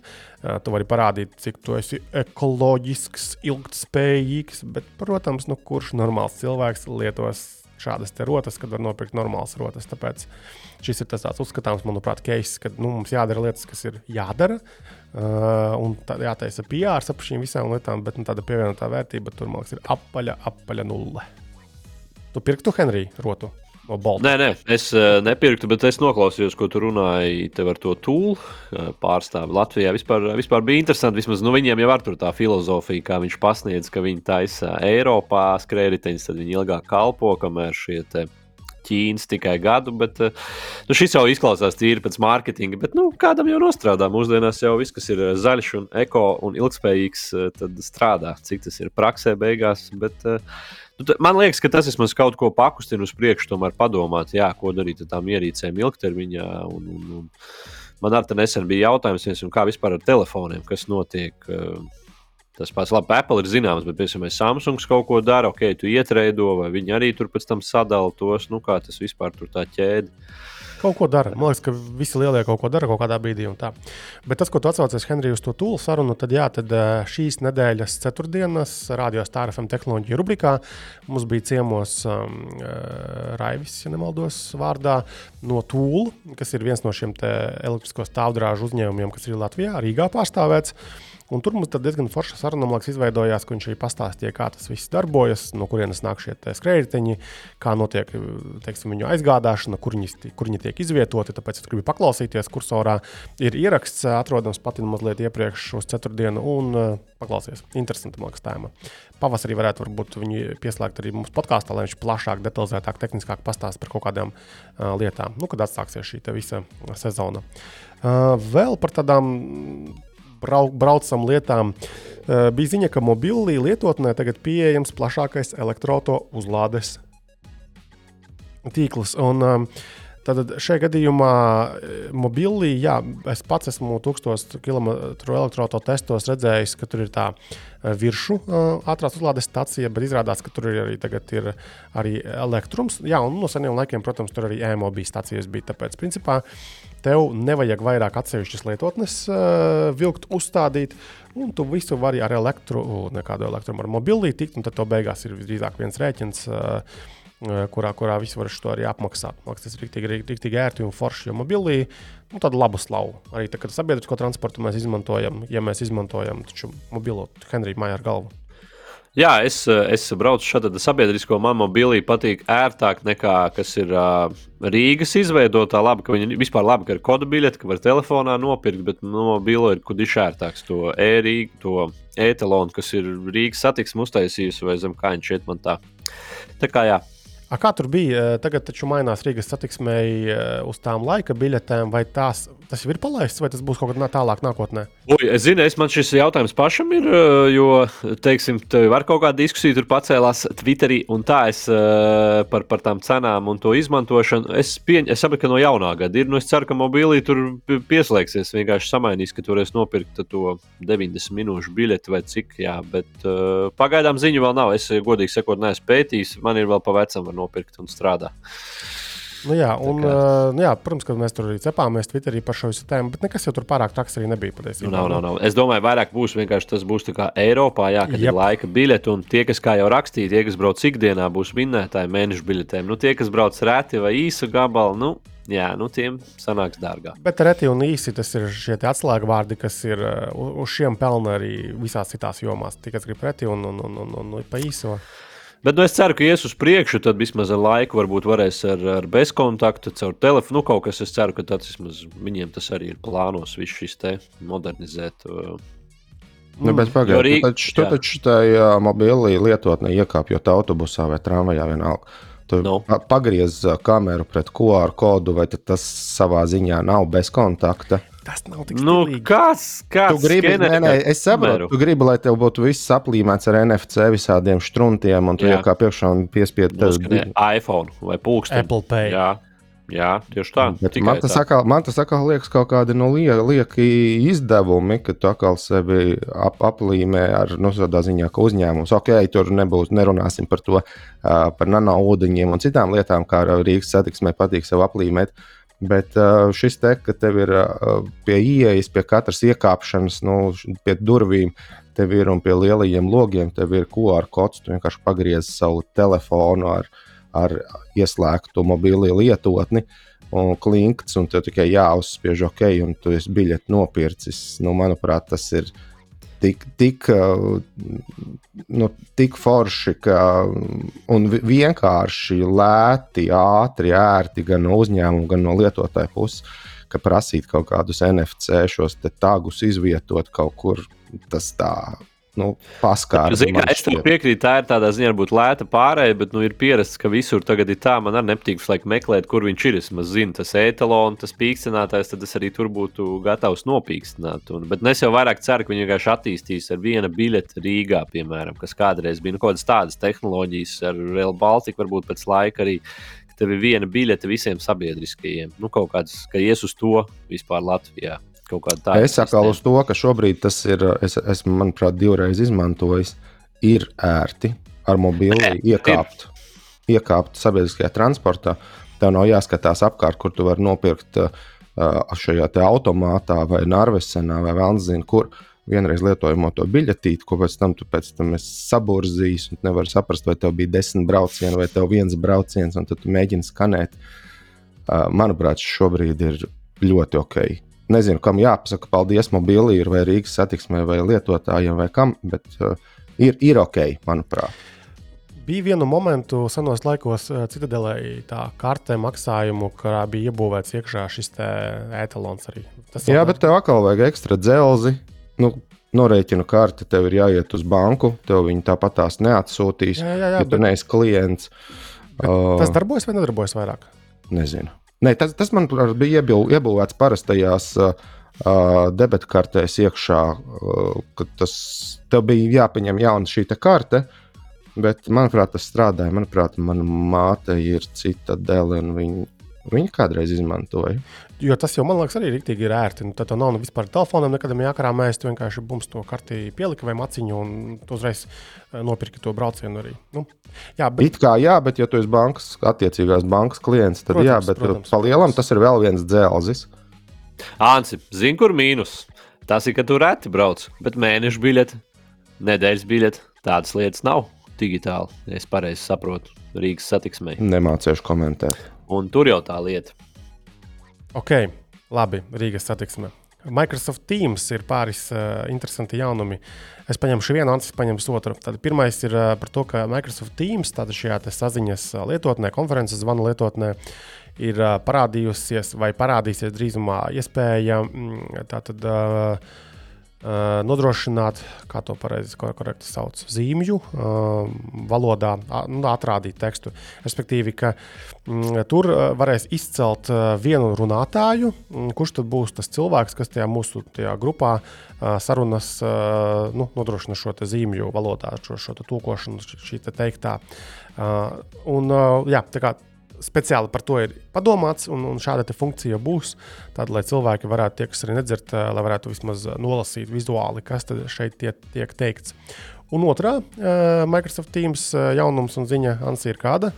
ir vienīgā jēdzīgā ziņa, kas ir, ir tā, ka Teams platformā jau šā, sāk nonākt maiņas, vīpēra, spēlītē, kuru tu varēsi, ja pareizi sapratu, varēsi ar saviem kolēģiem uzrāmbāt tajos tikai. mirkļos, kad negribās Ne strādāt. tikai mans vīpers, tur arī solitārs. Un, un, Jā, jā, nu, solitārs. Es nezinu, vai solit, kā to var vairāk lietotāji spēlēt, bet nu, foršā ziņa, ka Minesweepers atgriežas. Manuprāt, Minesweepers bija tikai vēl Windows 7. Kopš Windows 8 tu vairs viņu neieguvi kopā ar Windows. Varēja, varēja visādos online spēlēt, varēja, varēja no, no Microsoft Stores, uh, tas, kas Windowsā iebūvēts, ir nu, ielādēt. Bet nu, šitais, man liekas, ir superīgi, ka beidzot Teams. Teams vispār kā, mm, nu, kā saziņas platforma man šķiet diezgan tāds, nu, neteiksim, atpalicis, bet konservatīvs. Man gribētos, lai tur būtu plašāks iespējas kaut vai šo baklažānu sūtīt kolēģiem vai, vai, vai kādas riebīgākas sēņas. Nu, tur, tur viss ir sirsniņas un pozitīvi. Un, nu, nav dzīvē viss vienmēr sirsniņas un pozitīvi. Tomēr ir kaut kā jābūt iespējai norādīt To, savu... to mēs pēc, pēc tevis zinām. Jā. Jā, ka bet, bet tavas emocijas.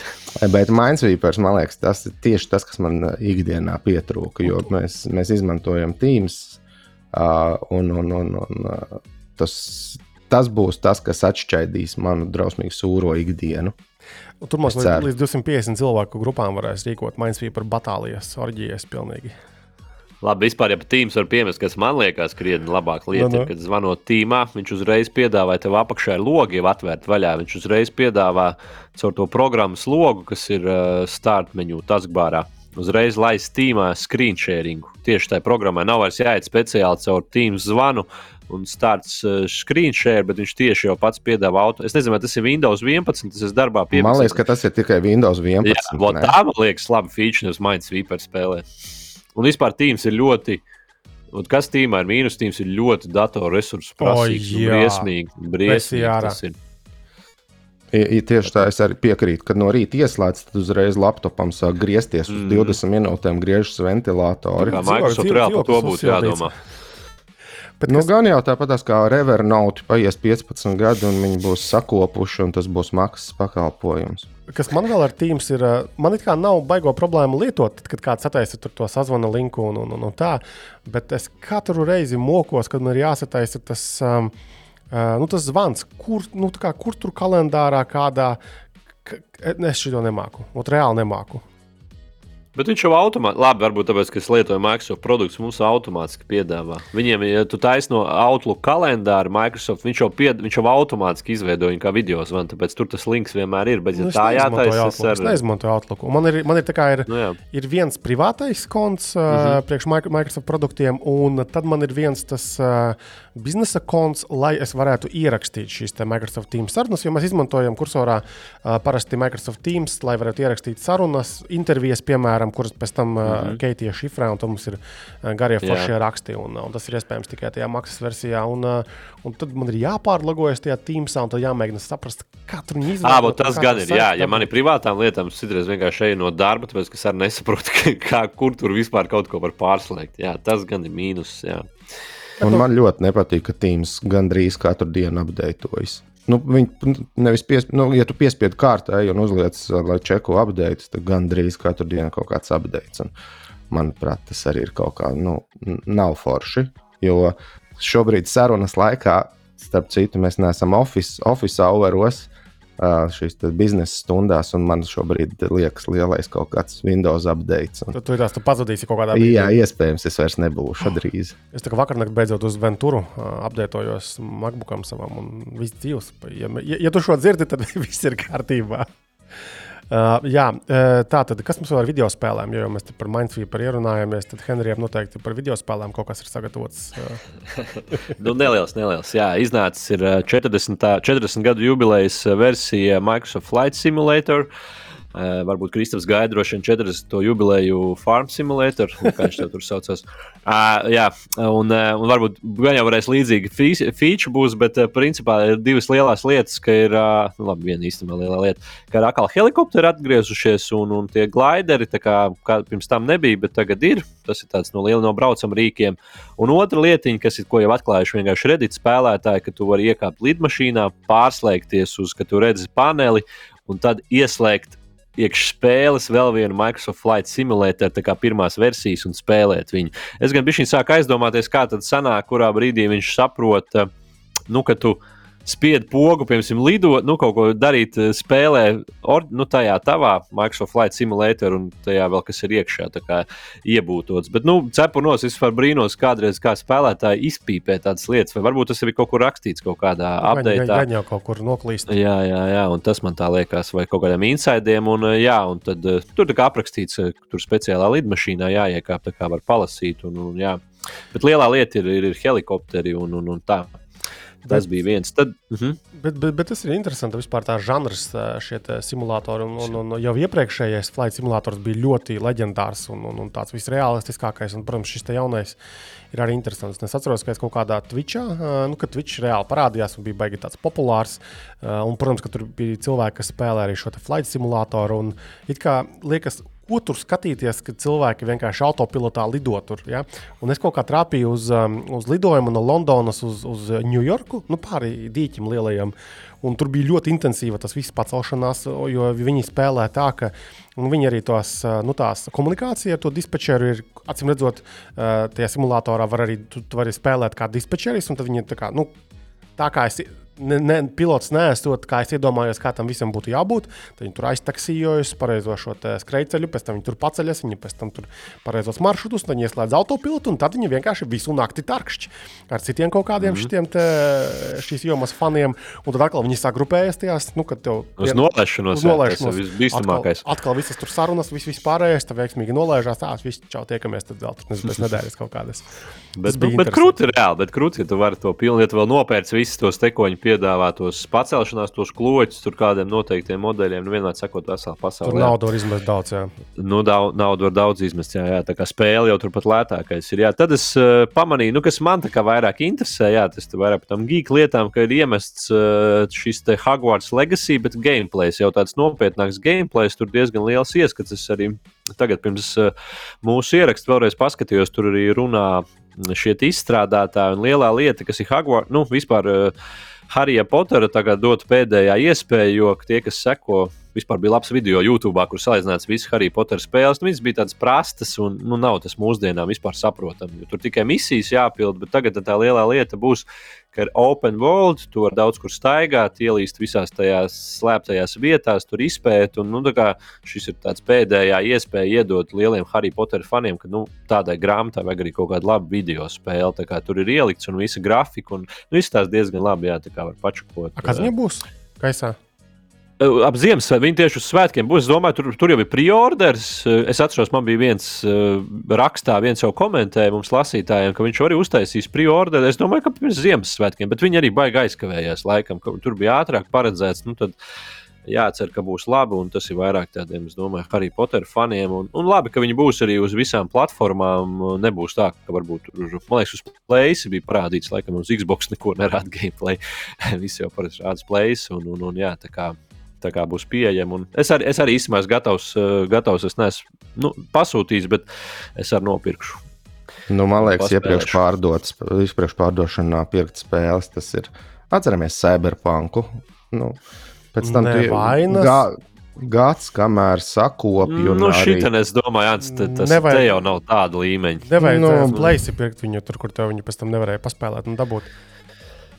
Es domāju, ka te nav arī tas cyberpunk, man liekas, būtu cita hype. Nu, te ir tas te ir vairāk tāds.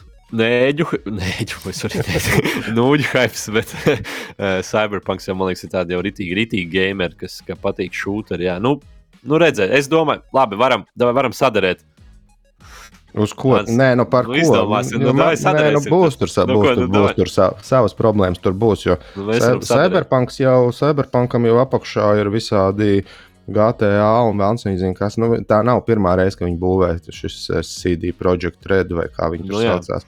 Nav pirmā reize. Bet, bet tas nav atkarīgs no ierīcēm. Nu, labi, tas tā. Man liekas, ka varbūt tas no ierīcēm. Cyberpunka nav... gadījumā. Nu, viņi Cyberpunks negāja uz nekā laikam īsti. Tur nu, bija nebija. Nē, Kristapam bija, Kristaps spēlēja, tur, nebija problēmas. Jā, tur varēja caur iegrimt uh, grīdā līdz pusē un uzkārties, un kaut kas tur nestrādāja. Un nu, Playstationam kaut ko viņi vispār tur pat uh, vienu brīdi. Tas bija problēmas.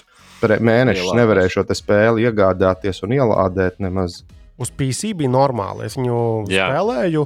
Es apkārt lasīju, ka visi sūdzējās, ka viss bija slikti, bet man nebija būtiska problēma. Jā, tur bija kaut kādi mazi gluži, bet kurai spēlē nav. Un es viņu izspēlēju salīdzinoši ātri. Mīnusi spēle bija. Nu, paskatīsimies. Es padalīšos. Vienkārši jānopērk ir normāls processors savam datoram. Ieteicams 12. paudzes Intel i7. Jā, viņi, man, ir, viņi... man ir Xbox. Es uh, nesmādēju. Jā. Es arī tagad eh, pārtaisīju eh, plēsim vienu kontu eh, un sāku spēlēt Minecraft Dungeons. Tātad no bērniem atņēmu pa lielam pulti. Un, Tagad skraidu. Pagaid, tu spēlē pats. Nu, bišķiņ, jā. Nu, es, jā. Es, es gaidīju šo Diablo jauno, Diablo jaunais mm -hmm. vēl nav.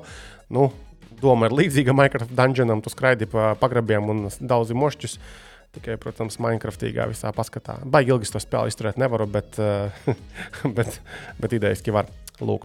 Eh, pagājušajā nedēļā mēs runājām par, eh, par žurīkiem, ja, par šo V-work. Un, Henrij, tu esi kaut ko arī gatavs parunāt, viņš vairāk par to tēmu. Nē, es gribēju iemest, ja mēs esam vai nē. Man vienkārši es biju, ah, es tam citu biju Francijā uz to Philips pasākumu. Jūs runājat, atceros, viņiem ir Vīvorks. Viņiem gan tur uz vietas bija tie Vīvorka ofici, bet man tā doma, paturpinot jūsu podkāstu, kas mums tīri Latvijā, nu garām ejot, jo es arī pierakstīju, ka. Bija kādreiz tāds people work uz Ernesta Birznieka upīšu ielas. Tur, piemēram, vispār ir klusums. Es nezinu, kas notiek jaunajā teikā. Vispār nav dzirdēts, jo vienu brīdi jau viņi tur reklamējās, kā saka, priekšā, pakaļā. Uh, Bet kas tagad notiek ar šīm kopradas telpām, ko mums tepat Latvijā? Jo man liekas, ka baigais klusums. To var pakomentēt, Bet, varbūt komentāros. Nopērku savu kafiju par 3 eiro un sēžu visu dienu. Un, un, nu, kafejnīcā vienkārši sēžu. Mm, kur tev nav jāmaksā nu, jā. par nu, lielākas kaut kādas abonēšanas maksas vai kaut kas tāds. Un tad noteikti daļa mājās ir iekārtojas kaut kādas darba vietas par šiem Covid gadiem, un tad vienkārši tev atkrīt gan birojā iešanas vajadzība, daļā gadījumu, gan arī šādi lokālie vīvorki. Nu, liekas, tā. Nu, jā, tā kā es tā tīri. Bet uh, noteikti var pakomentēt komentāros, tie cilvēki, varbūt, kas izmanto šos pakalpojumus vai kas nodrošina šos pakalpojumus, kāds šobrīd vispār biznesa ir šajā jomā. Nu, vai ir vai nav tur, un kādas izskatās tendences varbūt tuvākajā laikā. Ja mēs vēl runājam par žuļīkiem, nu, šajā gadījumā tas bija par to Vivork uh, biznesa čali galveno, tad beidzot ir uh, notiesāta Elizabete Holmsa, kas ir uh, veidoja savulaik ļoti uh, skaļi izziņoto šo startupu jaunu uzņēmumu Theranos. Tad viņa tā, viņas tā doma bija tāda, ka mm, viņa grib uzbūvēt uh, ierīci, tehnoloģiju, kas var analizēt uh, asins ja, sastāvu no var mazas, mazas Visu, visu, Visu. no visu, Jā. visu pateikt, jā, tas tur būtu breakthrough. Visu vienkārši, vienkārši paņemt un ļoti ātri, salīdzinoši ļoti ātri dabūt rezultātus. Bet cik varēja noprast, es neesmu baigi sekojis līdzi šim te visam. Cik varēja noprast, tad beigās tas, tas ātrums nebija, jo tāpat tās tika veikti šie asins testi.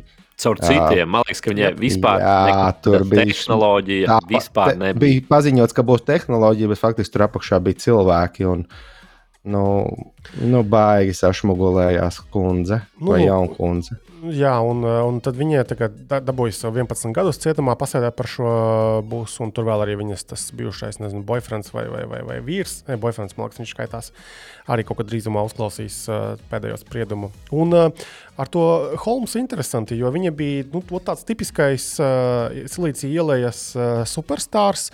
Viņa bija tiešām nu, izkrāpusi, tagad jau skatoties, mēs to redzam un zinām, kad izkrāpusi simtiem miljonu ASV dolāru no investoriem.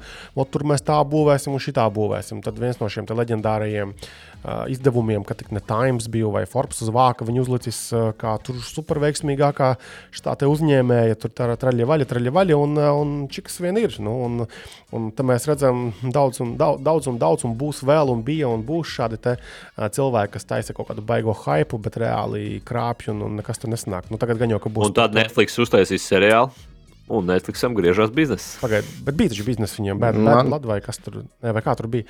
Es zinu, ka ir grāmata, bad, bad blood, tā viņa arī saucās. Uh, un es pat sāku lasīt viņu, jo bija diezgan normāli, normāli grāmata. Vispār tev taisnība, varbūt par šito pat jau ir. Jā, Man liekas, ka seriāls vai filma vismaz bija izziņota mm, mm. ar uh, to jaunkundzi, kas ir um, pazudusi tagad, kā tur bija latviešu, bet angliski bija šie te, um, nu, vārds stulps palieku uz vecumu. Uh, tu Hunger domā par Games, Hunger Games, man liekas, tā jaunkundze bija, ne? Galvenajā Jā. lomā. Katnes, Katnes Evans vai kā viņa tur ir. Jā, bet reālais vārds to es, protams, neatceros. Nā, tas jā, jā, pareizi, viņa tā filmas. Viņa vēl X, X, X, nevis X failos, bet X, X cilvēkos bija tā zilganā jaunkundze. Nu, a, a, a. Uh, Būs. Tātad Netflixā es skatos, vai, vai ne Netflixā bija kaut kāda Inventor Out for Blood in Silicon Valley.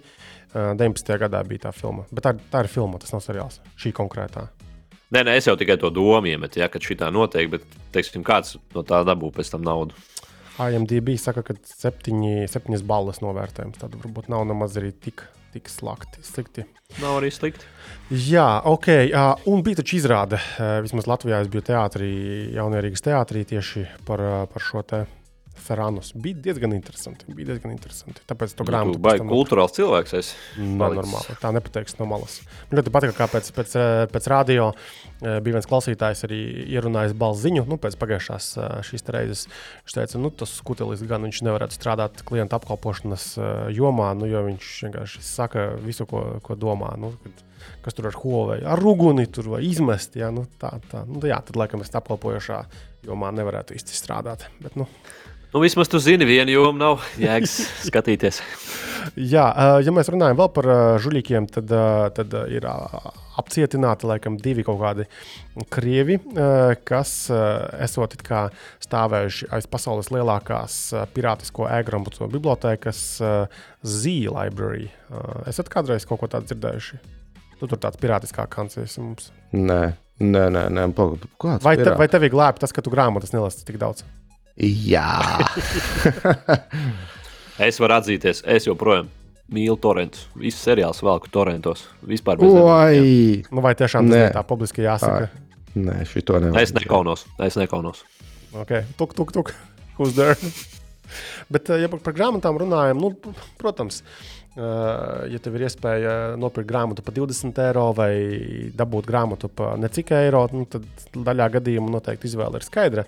Bet um, kāda šobrīd situācija ar tiem e-lasītājiem? Nu, Kindle joprojām ir tas, man liekas, de facto standarts uh, daudz kur pasaulē, bet ko lieto cilvēki šeit mūsu pusē, kas ir vairāk varbūt uh, sliecas uz, uz pirātisko saturu? Pocketbooks. To pašu, to pašu Kindle lieto. Uh, Kindlam ļoti ērti var uh, pārsūtīt šo te.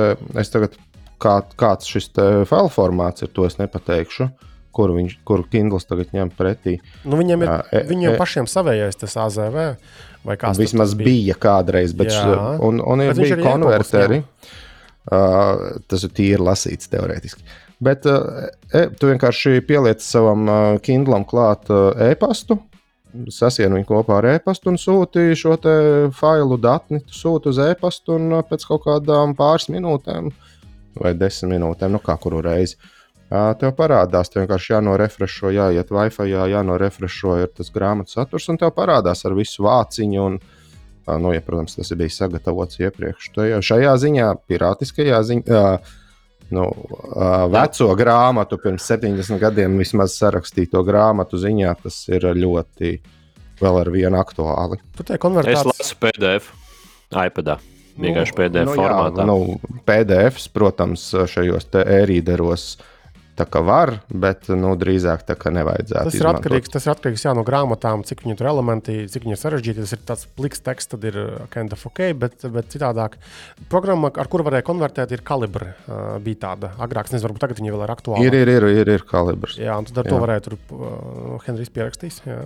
Jā. Es, ne, īstenībā, nu, es tāpēc, ka bišķiņi es gribēju ielikt tajos. Uh, iBookos es bišķiņ gribēju saprast, jo ir jau tas, nu, kā tu arī saki, liekas, Apple'am ir kaut kāds savs arī grāmatu formāts, vai ir tas, kur viņš ērtāk, jo PDF jau viņš vienkārši pāršķir, nu, to lapu, kādu viņi sataisīt PDF, nu, nav tik ērti. Interesantā jā, ziņa ir tāda, ka tajās Apple Books uh, tu iemet grāmatu arī citos ceļos iegūto, Un, ja tāpat aizsinhronizēsies uz visām tavām Apple ierīcēm, tad varēs normāli lasīt viņu arī visur. Jā, tas ir tāds uh, Androidam ir tieši tas pats Google Playbooks. Tev vajag drusku drus paburties, jā. atrast to vietu, kur tu vari iemest to grāmatas datu iekšā failu.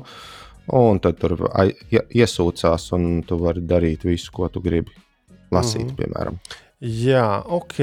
Tā ka tā, ka tā. Mm, vēl tāda interesanta lieta ir, ja par žuļiem mēs runājam. Uh, Uh, ir, ir, ir kaut kādi youtuberi uh, paņemti pie dziesmas, kas ir, ir, ir taisījuši filmu īsās versijas. Nu, Tātad, iedomājieties, kāda filma kinoteātrī, divas stundas iet, piemēram, ja, bet uh, tev nav laika tur ne uz kinoteātri braukt, ne, ne skatīties, varbūt divas stundas, ja tu citos veidos to filmu gribētu iegūt. Un tad ir kaut kādi gudrinieki izdomājuši, ka, nu, bļā, mēs varam paņemt to nozagt filmu vai kaut kur nopirkt un sagraizīt viņu īsāku, uz desmit minūtēm, tā lai tā pati esence. Tāpat kā ir šie servisi, kas tev um, grāmatas uh, sakompresē, ja tur nezinu, grāmata 400 lapu. Apple, Apple ierīču izziņošana tur septiņu minūšu laikā, trīs jā, stundas jā, pārvērš par septiņām nu, minūtēm. Un, un, un, un atrāvušies tādā ziņā, ka, protams, ka nevienam no šiem filmu radītājiem, izplatītājiem nepatīk, ka viņu saturu kāds paņem un pārtaisa pa savam, un tad tur uzrāvušies kaut kāds 3,5 miljonu ASV dolāru sodu. Un uh, redzēsim, kā tur viņiem veiksies. Ah, un vēl viena uh, interesantā lieta ir uh, saistībā ar YouTube. Ir tāda, ka YouTube ir sataisījuši savu šo jingliņu, uh, tā to var nosaukt, uh, tad, tad šo skaņu YouTube. Šeit mēs varam salīdzināt ar to pašu Netflix. Pirms katras filmas Netflixam ir tas leģendārais, tas, tur, tas dum, vai kā to tur sauc. Ja? Un tagad pamēģināsim palaist šo YouTube to, to, to, to, to, to skaņu. Tuitās.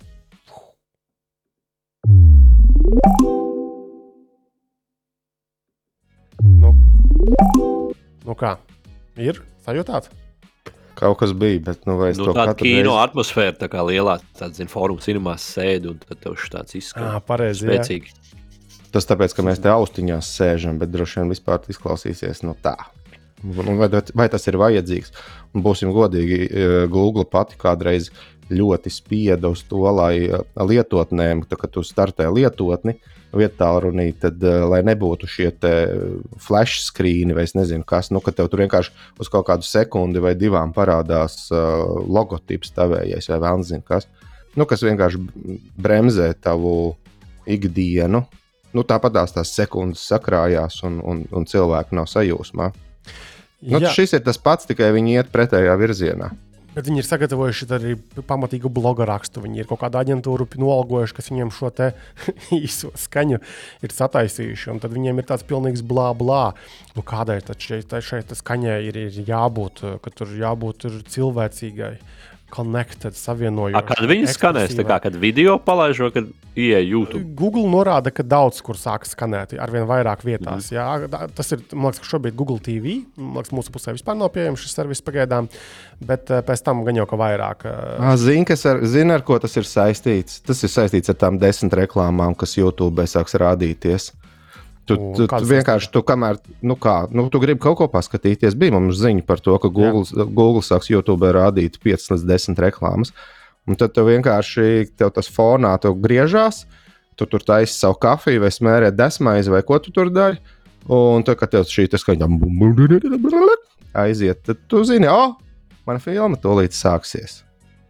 Mm -hmm, jā, ok. Uh, labi. Tā kā tu dzirdēji pie mums šo YouTube skaņu, un viņu dzirdēsi arī ar vien vairāk un ar vien vairāk. Lūk, uh, ok, tā tad tuvojoties tad varbūt noslēgumam, jo es skatos, ka pavisam nemanot, mēs esam līdz pusotrai sakrālajai stundai tikuši. Uh, noslēgumā, jā, tad interesanti vēl bija kampaņa no tādas. Um, Uh, viedo kameru ražotāja, kā Wise, uh, WYZ. Uh, viņi bija sataisījuši tā tādu nu, uh, treasure hunt. Viņi bija aprakuši kaut kur zeltītu kameru kaut kādos mežos un uzlikuši kā strīmu uz šo kameru. Un, uh, un tad cilvēkiem bija uzdevums, vai atrodiet, kur viņi ir. Un tad jūs dabūsiet tur no desmit štukas vai, vai kaut ko tamlīdzīgu. Un tad cilvēki reāli norganizējās, uh, sadaisīja kaut kādus Discord serverus, kur sāka diskutēt. Uh, viņi uh, tālāk domā gājiens, kā noteikt. Kur tas me, tur mežā kaut kādā bija tas viss aprakts, uh, slēpnis. Un uh, viņi analizēja pēc lidmašīnas skaņām, kur kādas lidmašīnas. Tad viņi noteica aptuveno kaut kādu tur salu, tur kaut kur tur Amerikā vai pie Amerikas, vai kur tur uh, uh, tika uz to salu. Tad tālāk, uh, kamēr braucu uz salu, aprīkoja tur mašīnas ar, ar kaut kādiem skaļām uzpariktēm, un tad braukāja pa to salu un uh, troksni, kad viņi dzirdēs austiņās, nu tā pavadošā grupa tajā diskordā uh, ar, ar to kaut kādu pat uh, tik tur to 20 sekundžu aizturi, un tikai tā viņi atrada. Patiesībā Wise nebija gaidījuši, ka tik ātri atklās. Viņi bija iedomājušies, jā, nu, ka pēc lidmašīnu lidojumiem noteikti varēs noteikt kur tas aptuveni atrodas, bet nu, cilvēki tik ļoti iesprings un trokšņos reāli uh, un tiks pie tām balvām, tas, tas bija rīktīgi interesants. Ir, ir bloga raksts, var palasīt arī uh, internetā. un Tā, tā kā tā. Mm. Un uh, par, par, kāpēc par vaizu runāju? Tāpēc, ka šeit mēs nonākam līdz tam segmentam, tad, ko mēs tad, uh, gatavojam apskatus tagad. Un uh, Ancis ir uh, sācis testēt akvāras uh, pāris produktus. Tavā gadījumā tad bija akvāra hubs uh, ar iebūvētu kameru un uh, to Akara. akvāra. Akara. Aka, akvāra. Ak, Nu, nav svar- ak, akvāra. Citi viņu par agaru sauc, bet tā nav agara, tāpēc ka tā ir aka, akvāra.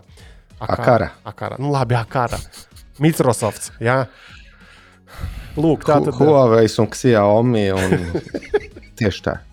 Labi, labi. labi. Tā tad, eh, tā tad to Akaras kameru testē, un Akaras eh, šos aizkaru stumdītājus. Tu Pie, pie, pie kā arī darbojas viņi? Es no sākuma gribētu teikt, ka pirms jūs kaut ko pērciet, nu, nomēriet. Jo labi, labi, ka ir vairākas tādas aizkaru štangas, vai kā tur viņas drīkst izteikties mājās. Jo es biju tā uzmetis aci, Kristaps man uzdeva jautājumu, kuru mums vajag šo aizkaru Divi bīdīt. tipi kaut kādi bija. jā. Ir divi veidi, jā, ar kantēnējiem un ar apaļajām aizkaru štangām. Es nezinu, kā to tehniski latviešu pareizi sauc. Pieņem. Aizkaru. Es pat nezinu, jā. Bet nu, viens, viena šī aizkara. Man ir abās istabās, visās istabās apaļas šīs aizkaru štangas. Un vienā, kurā ir ai- aizkari, kuras sadarētu ar šo bīdāmo ierīci. Šī aizkaru štanga ir pa, pārāk diametrā, pārāk maza. Savukārt, otrā istabā, kur man tā kā būtu ok, uh, diametrs aizkarštangai šie te aizkari pārāk stingri ir un ierīce nespēja bīdīt. Bet, nu, kaut kā, jā, jā, jā. Ļoti, ļoti, ļoti cieši, nu, cieti tie aizkari ir, varbūt tā to jāsaka. Uh, un, un, un apskats būs, jo es tur sa, samainīju vietām Pusē, drusku. pusē nogriež šņiku šņaku tos aizkarus, lai viņi vieglāk Nē, nē, nē, nē, nē. Tur, tur ir patiesībā izklausās labi, bukletiņā, bet faktiski tev ir bijis jāpastaigā ar bīdmēru vai kaut ko tamlīdzīgu un jāpaskatās pirms tu iegādājies. Šīs, šīs aizkars štangas, vai kā to viņas pareizi varētu nosaukt, lai būtu tiešām sadarīgas un nedara teleskopiskās. Nu, tās, kur tur tāds izvelkamās, kur solis, nu, kurš mm. pārlauziens, kur solis ir. Uh, tāds, uh, nu, bet man jāsaka, ierīces ir uh, savienojas ar šo te. Bet tātad tev ir nepieciešams svaigs, jauns akāra hub. Uh -huh. Šī mamma, mammas ierīce, jo viss tur iet cauri zigbiju. Uh, vecais akāra tev nekāds nederēs, tev vajag tieši zigbiju, kas ir viņiem, manuprāt, ir vismaz divas šeit akārai pašai. Ir vismaz divas, viena ar kameru, viena bez šīs ma mammas ierīces hubs. Un savienojas ātri, un uzstādīti ir ļoti ātri, man negaidīti ātri. Uh, Uh, tu vienkārši uzmet tādu um, nu, sliedīti braucošu un uh, piekarina apakšā šo pašu spēka ierīci. Cik viņa sver? Daudz sver. Tas uh, nu, no, nokritīs zemē. Ne? Izraust no ielieks, ielieksies. Man jāsaka, jā, ka man diezgan, diezgan, diezgan gara šī aizkaštanga, ka ieliecās. Redzami ieliecās, jo tur ir pamatīgi akumulatori. Nu, uh, to ierīci tu vari uzlikt uz, uz plaukstas. Un tā ierīce ir nu, kaut kāda 6, 7 cm bieza. Nu, tur ir pamatīgs akumulators iekšā, vienmēr sakot, lai tev bieži nav jālādē. Idejiski forši, ja tev ir sadarīga šī aizkara štanga un, un, un nu, samērā viegli aizkari, tad viss bīdās. Un ir ļoti, ļoti jēdzīgi uztaisīt lietotni. Es pat pilnīgi biju pārsteigts, cik maz ir jāsaprot no viņa no pilnīgi jebkā, no jebkāda veida automatizācijas. Nu, if, then, nu, ja, ja kaut kas notiek, tad, mm -hmm. tad šie aizkari bīdās. Cik maz tev ir jāsaprot no šī te ļoti forši uztaisīts, bet tev ir pašam jāsa, jāsamēra, vai tev, vai tev šie aizkari pietiekami, biez, pietiekami viegli bīdās, un vai ir pietiekami resna, pietiekami tieva tur tā trubiņa kuras aizkara ir uzvērta. Nu, detalizētāk tad viss būs apskatā, jo es pieņemu jau ļoti ātri. Un uh, es tad atkal paņēmu patestēt. Um, radiatoru regulātors, superaktuāla tēma. Šobrīd es pats ikdienā izmantoju tādu, uh, un tagad vienkārši pamēģināsim arī šos akaras. Un, uh, un tur mans secinājums bija, zin, kāds uzreiz. Tad man pašam mājās bija jau esošs akara hub, šī te, nu, mātes ierīce, un, uh, ko es izmantoju jau, jau agrāk, lai man būtu šie temperatūras sensori uh, pieslēgtos viņiem un tā tālāk un tā joprojām. Un, un to jauno hubu es aizsūtīju tev, uh, Ansī, uh, šta, šta, štangu bīdītājus, aizskaru bīdītājus testēt. Un es nekā nevarēju dabūt pie dziesmas um, šo te radiatoru regulātoru. Un tikai tad man pielāca vienā momentā, ka bļāviens, kad tas mans akāra hubs ir Zigbee 1.2 vai 1.1 standartu atbalsta šo te, nu, viedās mājas savienošanās standartu, datu pārsūtīšanas standartu. Un savukārt tas radiatora vērķis ir Zigbee 3.0 un savā starpā, acīm redzot, tie nav savietojami. Vismaz man nesanāca nekādīgi. Un tad es vienkārši atradu, kur var nopirkt tajā pašā dienā jaunāku hubu. Izskatās identiski tāpat, gandrīz kā, kā iepriekšējais. Maksā tur 48 vai 50 eiro, bet bums, čik un gatavs. Viss savienojās, viss darbojas. Tā kā, to, to es patestēju, un vakar es pieslēdzu arī automātisko maģinieku barošanas, nu, pamatā kaķu barošanas vērķi. Tā tad ir tā kaste, kurā tu ieber iekšā šo sauso barību, Un tad tu vari ieprogrammēt, lai vienkārši viņš noteiktā brīdī izbrina laukā. Man tā kaķis tāds bailīgāks ir.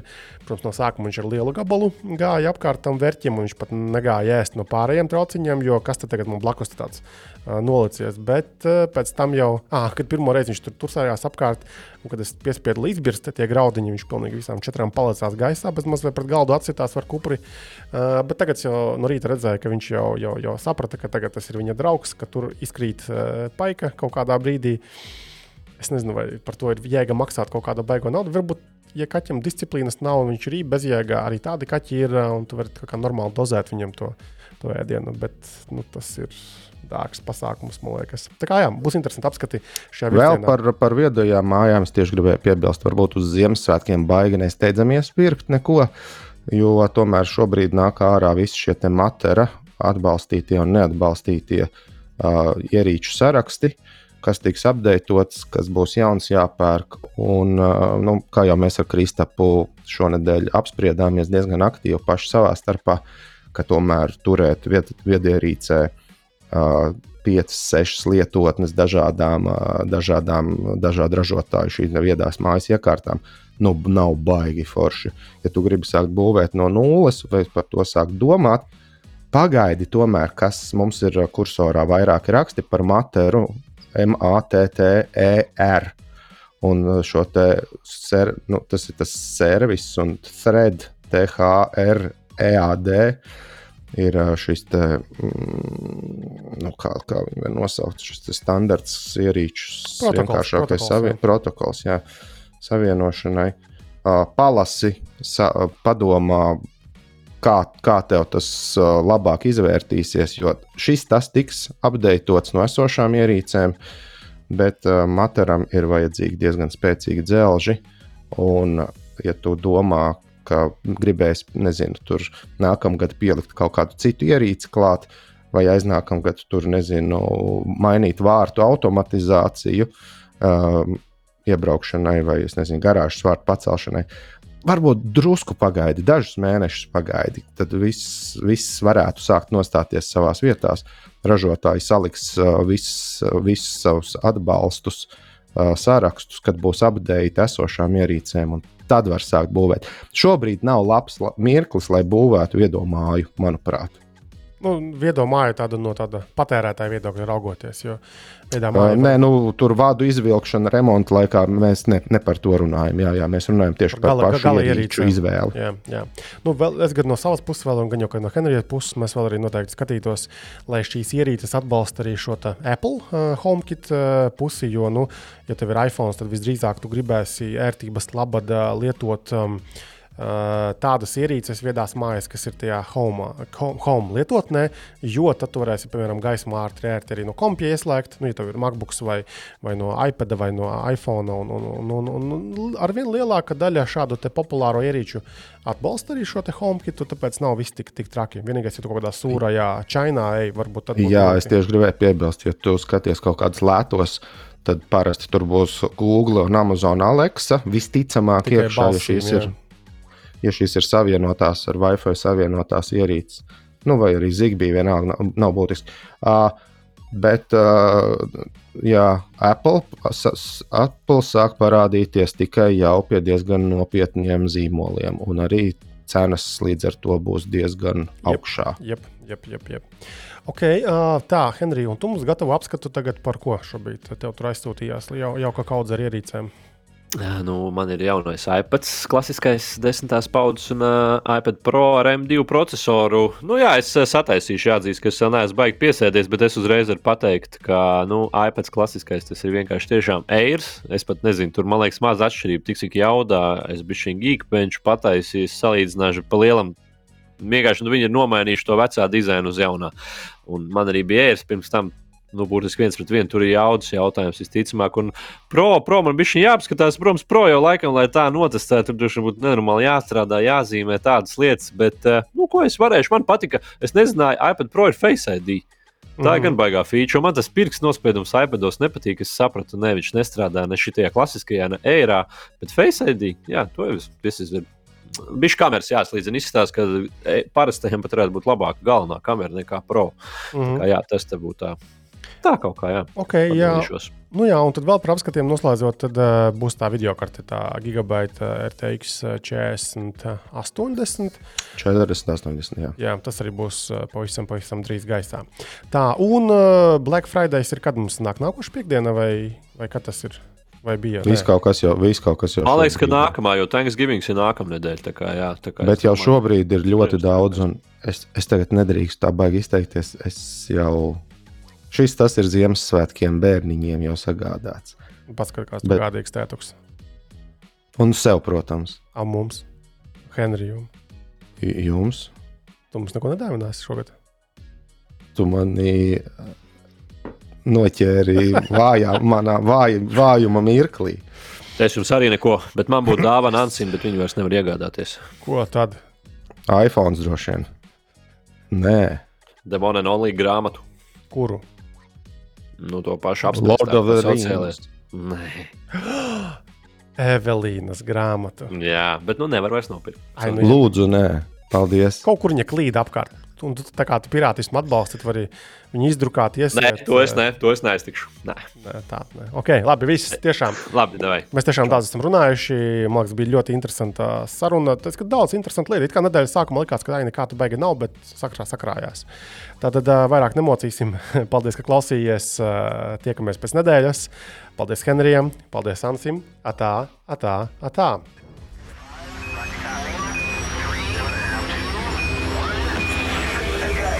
ko kursors tev neraksta. Regulārs tehnoloģiju podkāsts kopā ar Cursors LV.